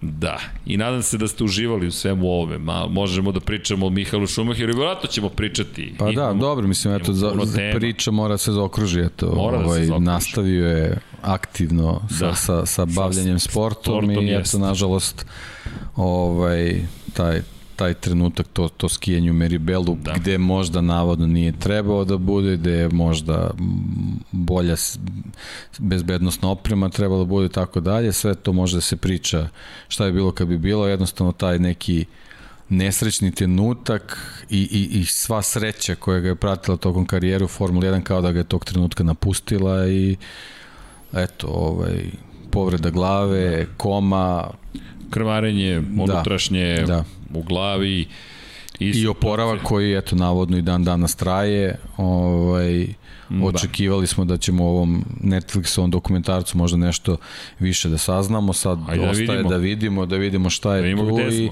to je to generalno priča i dalje važi keep fighting Michael A vidi Vanja, I to je samo to. sam sat produžio. Samo sam jedan sat produžio. Pa, de, de, de aplauz? Nemaš više ni aplauza spreman. O, nemaš ni aplauza spreman za mene. Nema aplauza, ali da. Da, kako završiti priču o Mihaelu Šumacheru? Pa lako, nije završena. Keep fighting, Michael. Bukvalno Tako keep fighting, Michael. To je poruka koju mi odavde šaljemo i dugo smo čekali nekako smo se spremali kada, šta, kako, koji je moment. Ljudi, sve se desilo onako kao i kroz celu karijeru Mihaela Šumahira. Morate da se vratite u 2013. godinu i taj moment kada se desio incident, pa 2014. kada je Dekip napisao knjigu i moment kada je prvi put izdata, pa onda da se vratimo u 2019. kada smo prvi put počeli da razmišljamo o, o, o, o celoj ovoj ideji, pa je dobila ime Infinity Lighthouse, pa smo se sreli ponovo, pa krenuli da pričamo, ej knjiga, pa pokazali tvoju knjigu, pa vi rekli, ej dajte knjigu. Ne, ne postoji knjiga, to je izdato davno. Ljudi, postoji knjiga neću da vam je reklamiram, hoću samo da vam kažem da postoji i da je napisao Dejan Potkonjak i zove se crno, crveno i crno Šumahir. I da smo mega ponosni jer bez obzira bez obzira koje emocije budio Šumahir ili ne, to su kultne ličnosti Formule 1. To su ljudi koji su definisali eru, sport, prevazišli Formulu 1. To je ono što je takođe veličina Mihaela Šumahira. On je prevazišao Formulu 1. Vi ne možete da kažete nigde i prezime Šumahira da se ne zna na koga mislite. Sena, Fangio. Birajte generaciju koja je imala svog Fanđa. Naša generacija imala Prosta i Senu, koliko god meni Mansell bio drag, simpatičan. Prosti Sena su definisali tu generaciju. Niki Lauda, James Hunt, možemo da pričamo o tome. Možemo i Jackie Stewartu, možemo da pričamo o Jimu Clarku, možemo da pričamo o tim velikanima, ali prosto neki se izdvajaju i više od njih. Fangio, Schumacher, Prost, Sena, to se pamti na keca. U novijoj generaciji, Hamilton, Vettel, to su ljudi koje je, kažeš, aha, okej, to je onaj što vozi trke Formula 1 ili neke trke gde god daste, kogod daste. Schumacher je prosto prezime koje živi u večnosti, on je još uvek živ, mi se nadamo upravo da taj koncept keep fighting može da doprinese tome da se čudesno oporavi, da verujemo i u modernu medicinu i da verujemo i u njega i u njegov duh, verujemo da, da taj duh prosto je nepokolebljiv. A i to je neka poruka koju bismo mi želeli da prenesemo odavde, da treba da verujete u svoje snove, mi ostvarujemo neke svoje, da li su devojački, dečački, ima i tamo dosta devojaka koje su nam pomogle, koje šalju knjige, pozdrav za Marinu koja nam je poklonila ovaj predivni Ferrari, koje su tu, pozdrav za sve devojke, nisu, kad kažemo dečko, možemo da kažemo ovo su dečiji snovi, on je ostvario svoje dečije snove, nadam se da može i vas da inspiriše, nadam se da ste koliko može da se uživa u priči koja u ovom momentu je jednoj crnoj epizodi, ali možda je to i u duhu ovoga što je Deki napisao, crveno i crno. Mi se sad nadamo crvenom, nečem da čujemo emotivnom, lepom, punom ljubavi i mi se nadamo prosto tome. Keep fighting Michael ostaje hashtag ukoliko želite da pošaljete, podelite poruku, verujem da će, da će danas trendovati zahvaljujući pre svega Netflixovom dokumentarcu i treba da se podsjetimo Schumachera i da ga vratimo u svoje živote i na ovaj način i kroz ovaj specijal 91 Lab 76, pošto to jeste jedna od, jedna od stvari koje smo mi sebi zadali, da pričamo neke najlepše priče i da čak i kada nisu lake, postoji neko svetlo na kraju tunela.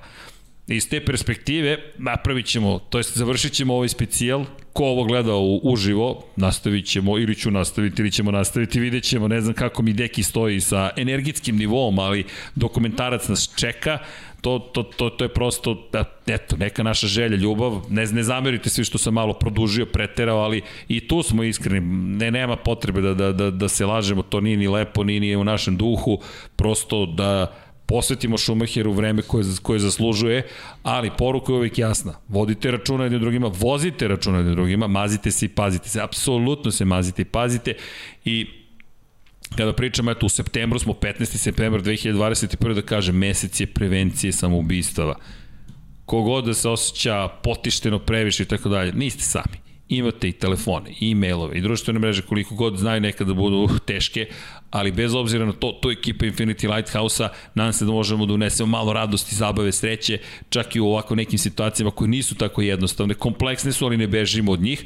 Takođe, ukoliko možete, podržite nekoga u svojoj okolini, očistite ulaz, pomozite nekome kome je potrebna pomoć, pošaljite 917 na 3030, Human 917 na 455 ukoliko ste u Švajcarskoj, šta god možete nešto da uradite, što se nas tiče, hvala vam za svu podršku, da kažem udrite like, pa udrite like. Zašto? Pa prosto nećemo od, odustati od toga da imamo osmeh na licu i dan danas. Ljudi, svi smo mi tu i dalje borimo se svako na svoj način. Mihael Schumacher na svoj zajedno sa svojom porodicom, tu je njegov sin Mick Schumacher koji je ušao u Formulu 1, tako da se priča o Mih Mihajlu i Miku Šumahiru i generalno Šumahiru nastavlja, a mi se nadamo da će biti još lepše i lepše kako godine prolaze, što zahvaljujući Miku, što zahvaljujući i Mihajlu, kome naravno ćemo i dalje slati lepe neke poruke i pričat ćemo mi još o Mihajlu Šumahiru. Konačno, sada i kada se oprostimo od vas, vratit ćemo se brzo.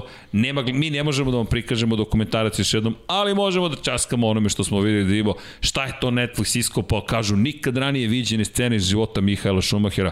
Pa hajde da vidimo šta su to spremili. Ljudi, mi još šaljemo ljubav. Ko sluša ovo na audio platforma, nadam se da ste uživali.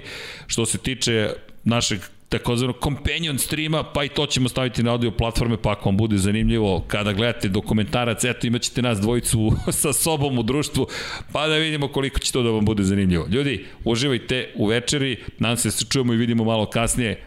Ćao svima. Ćao.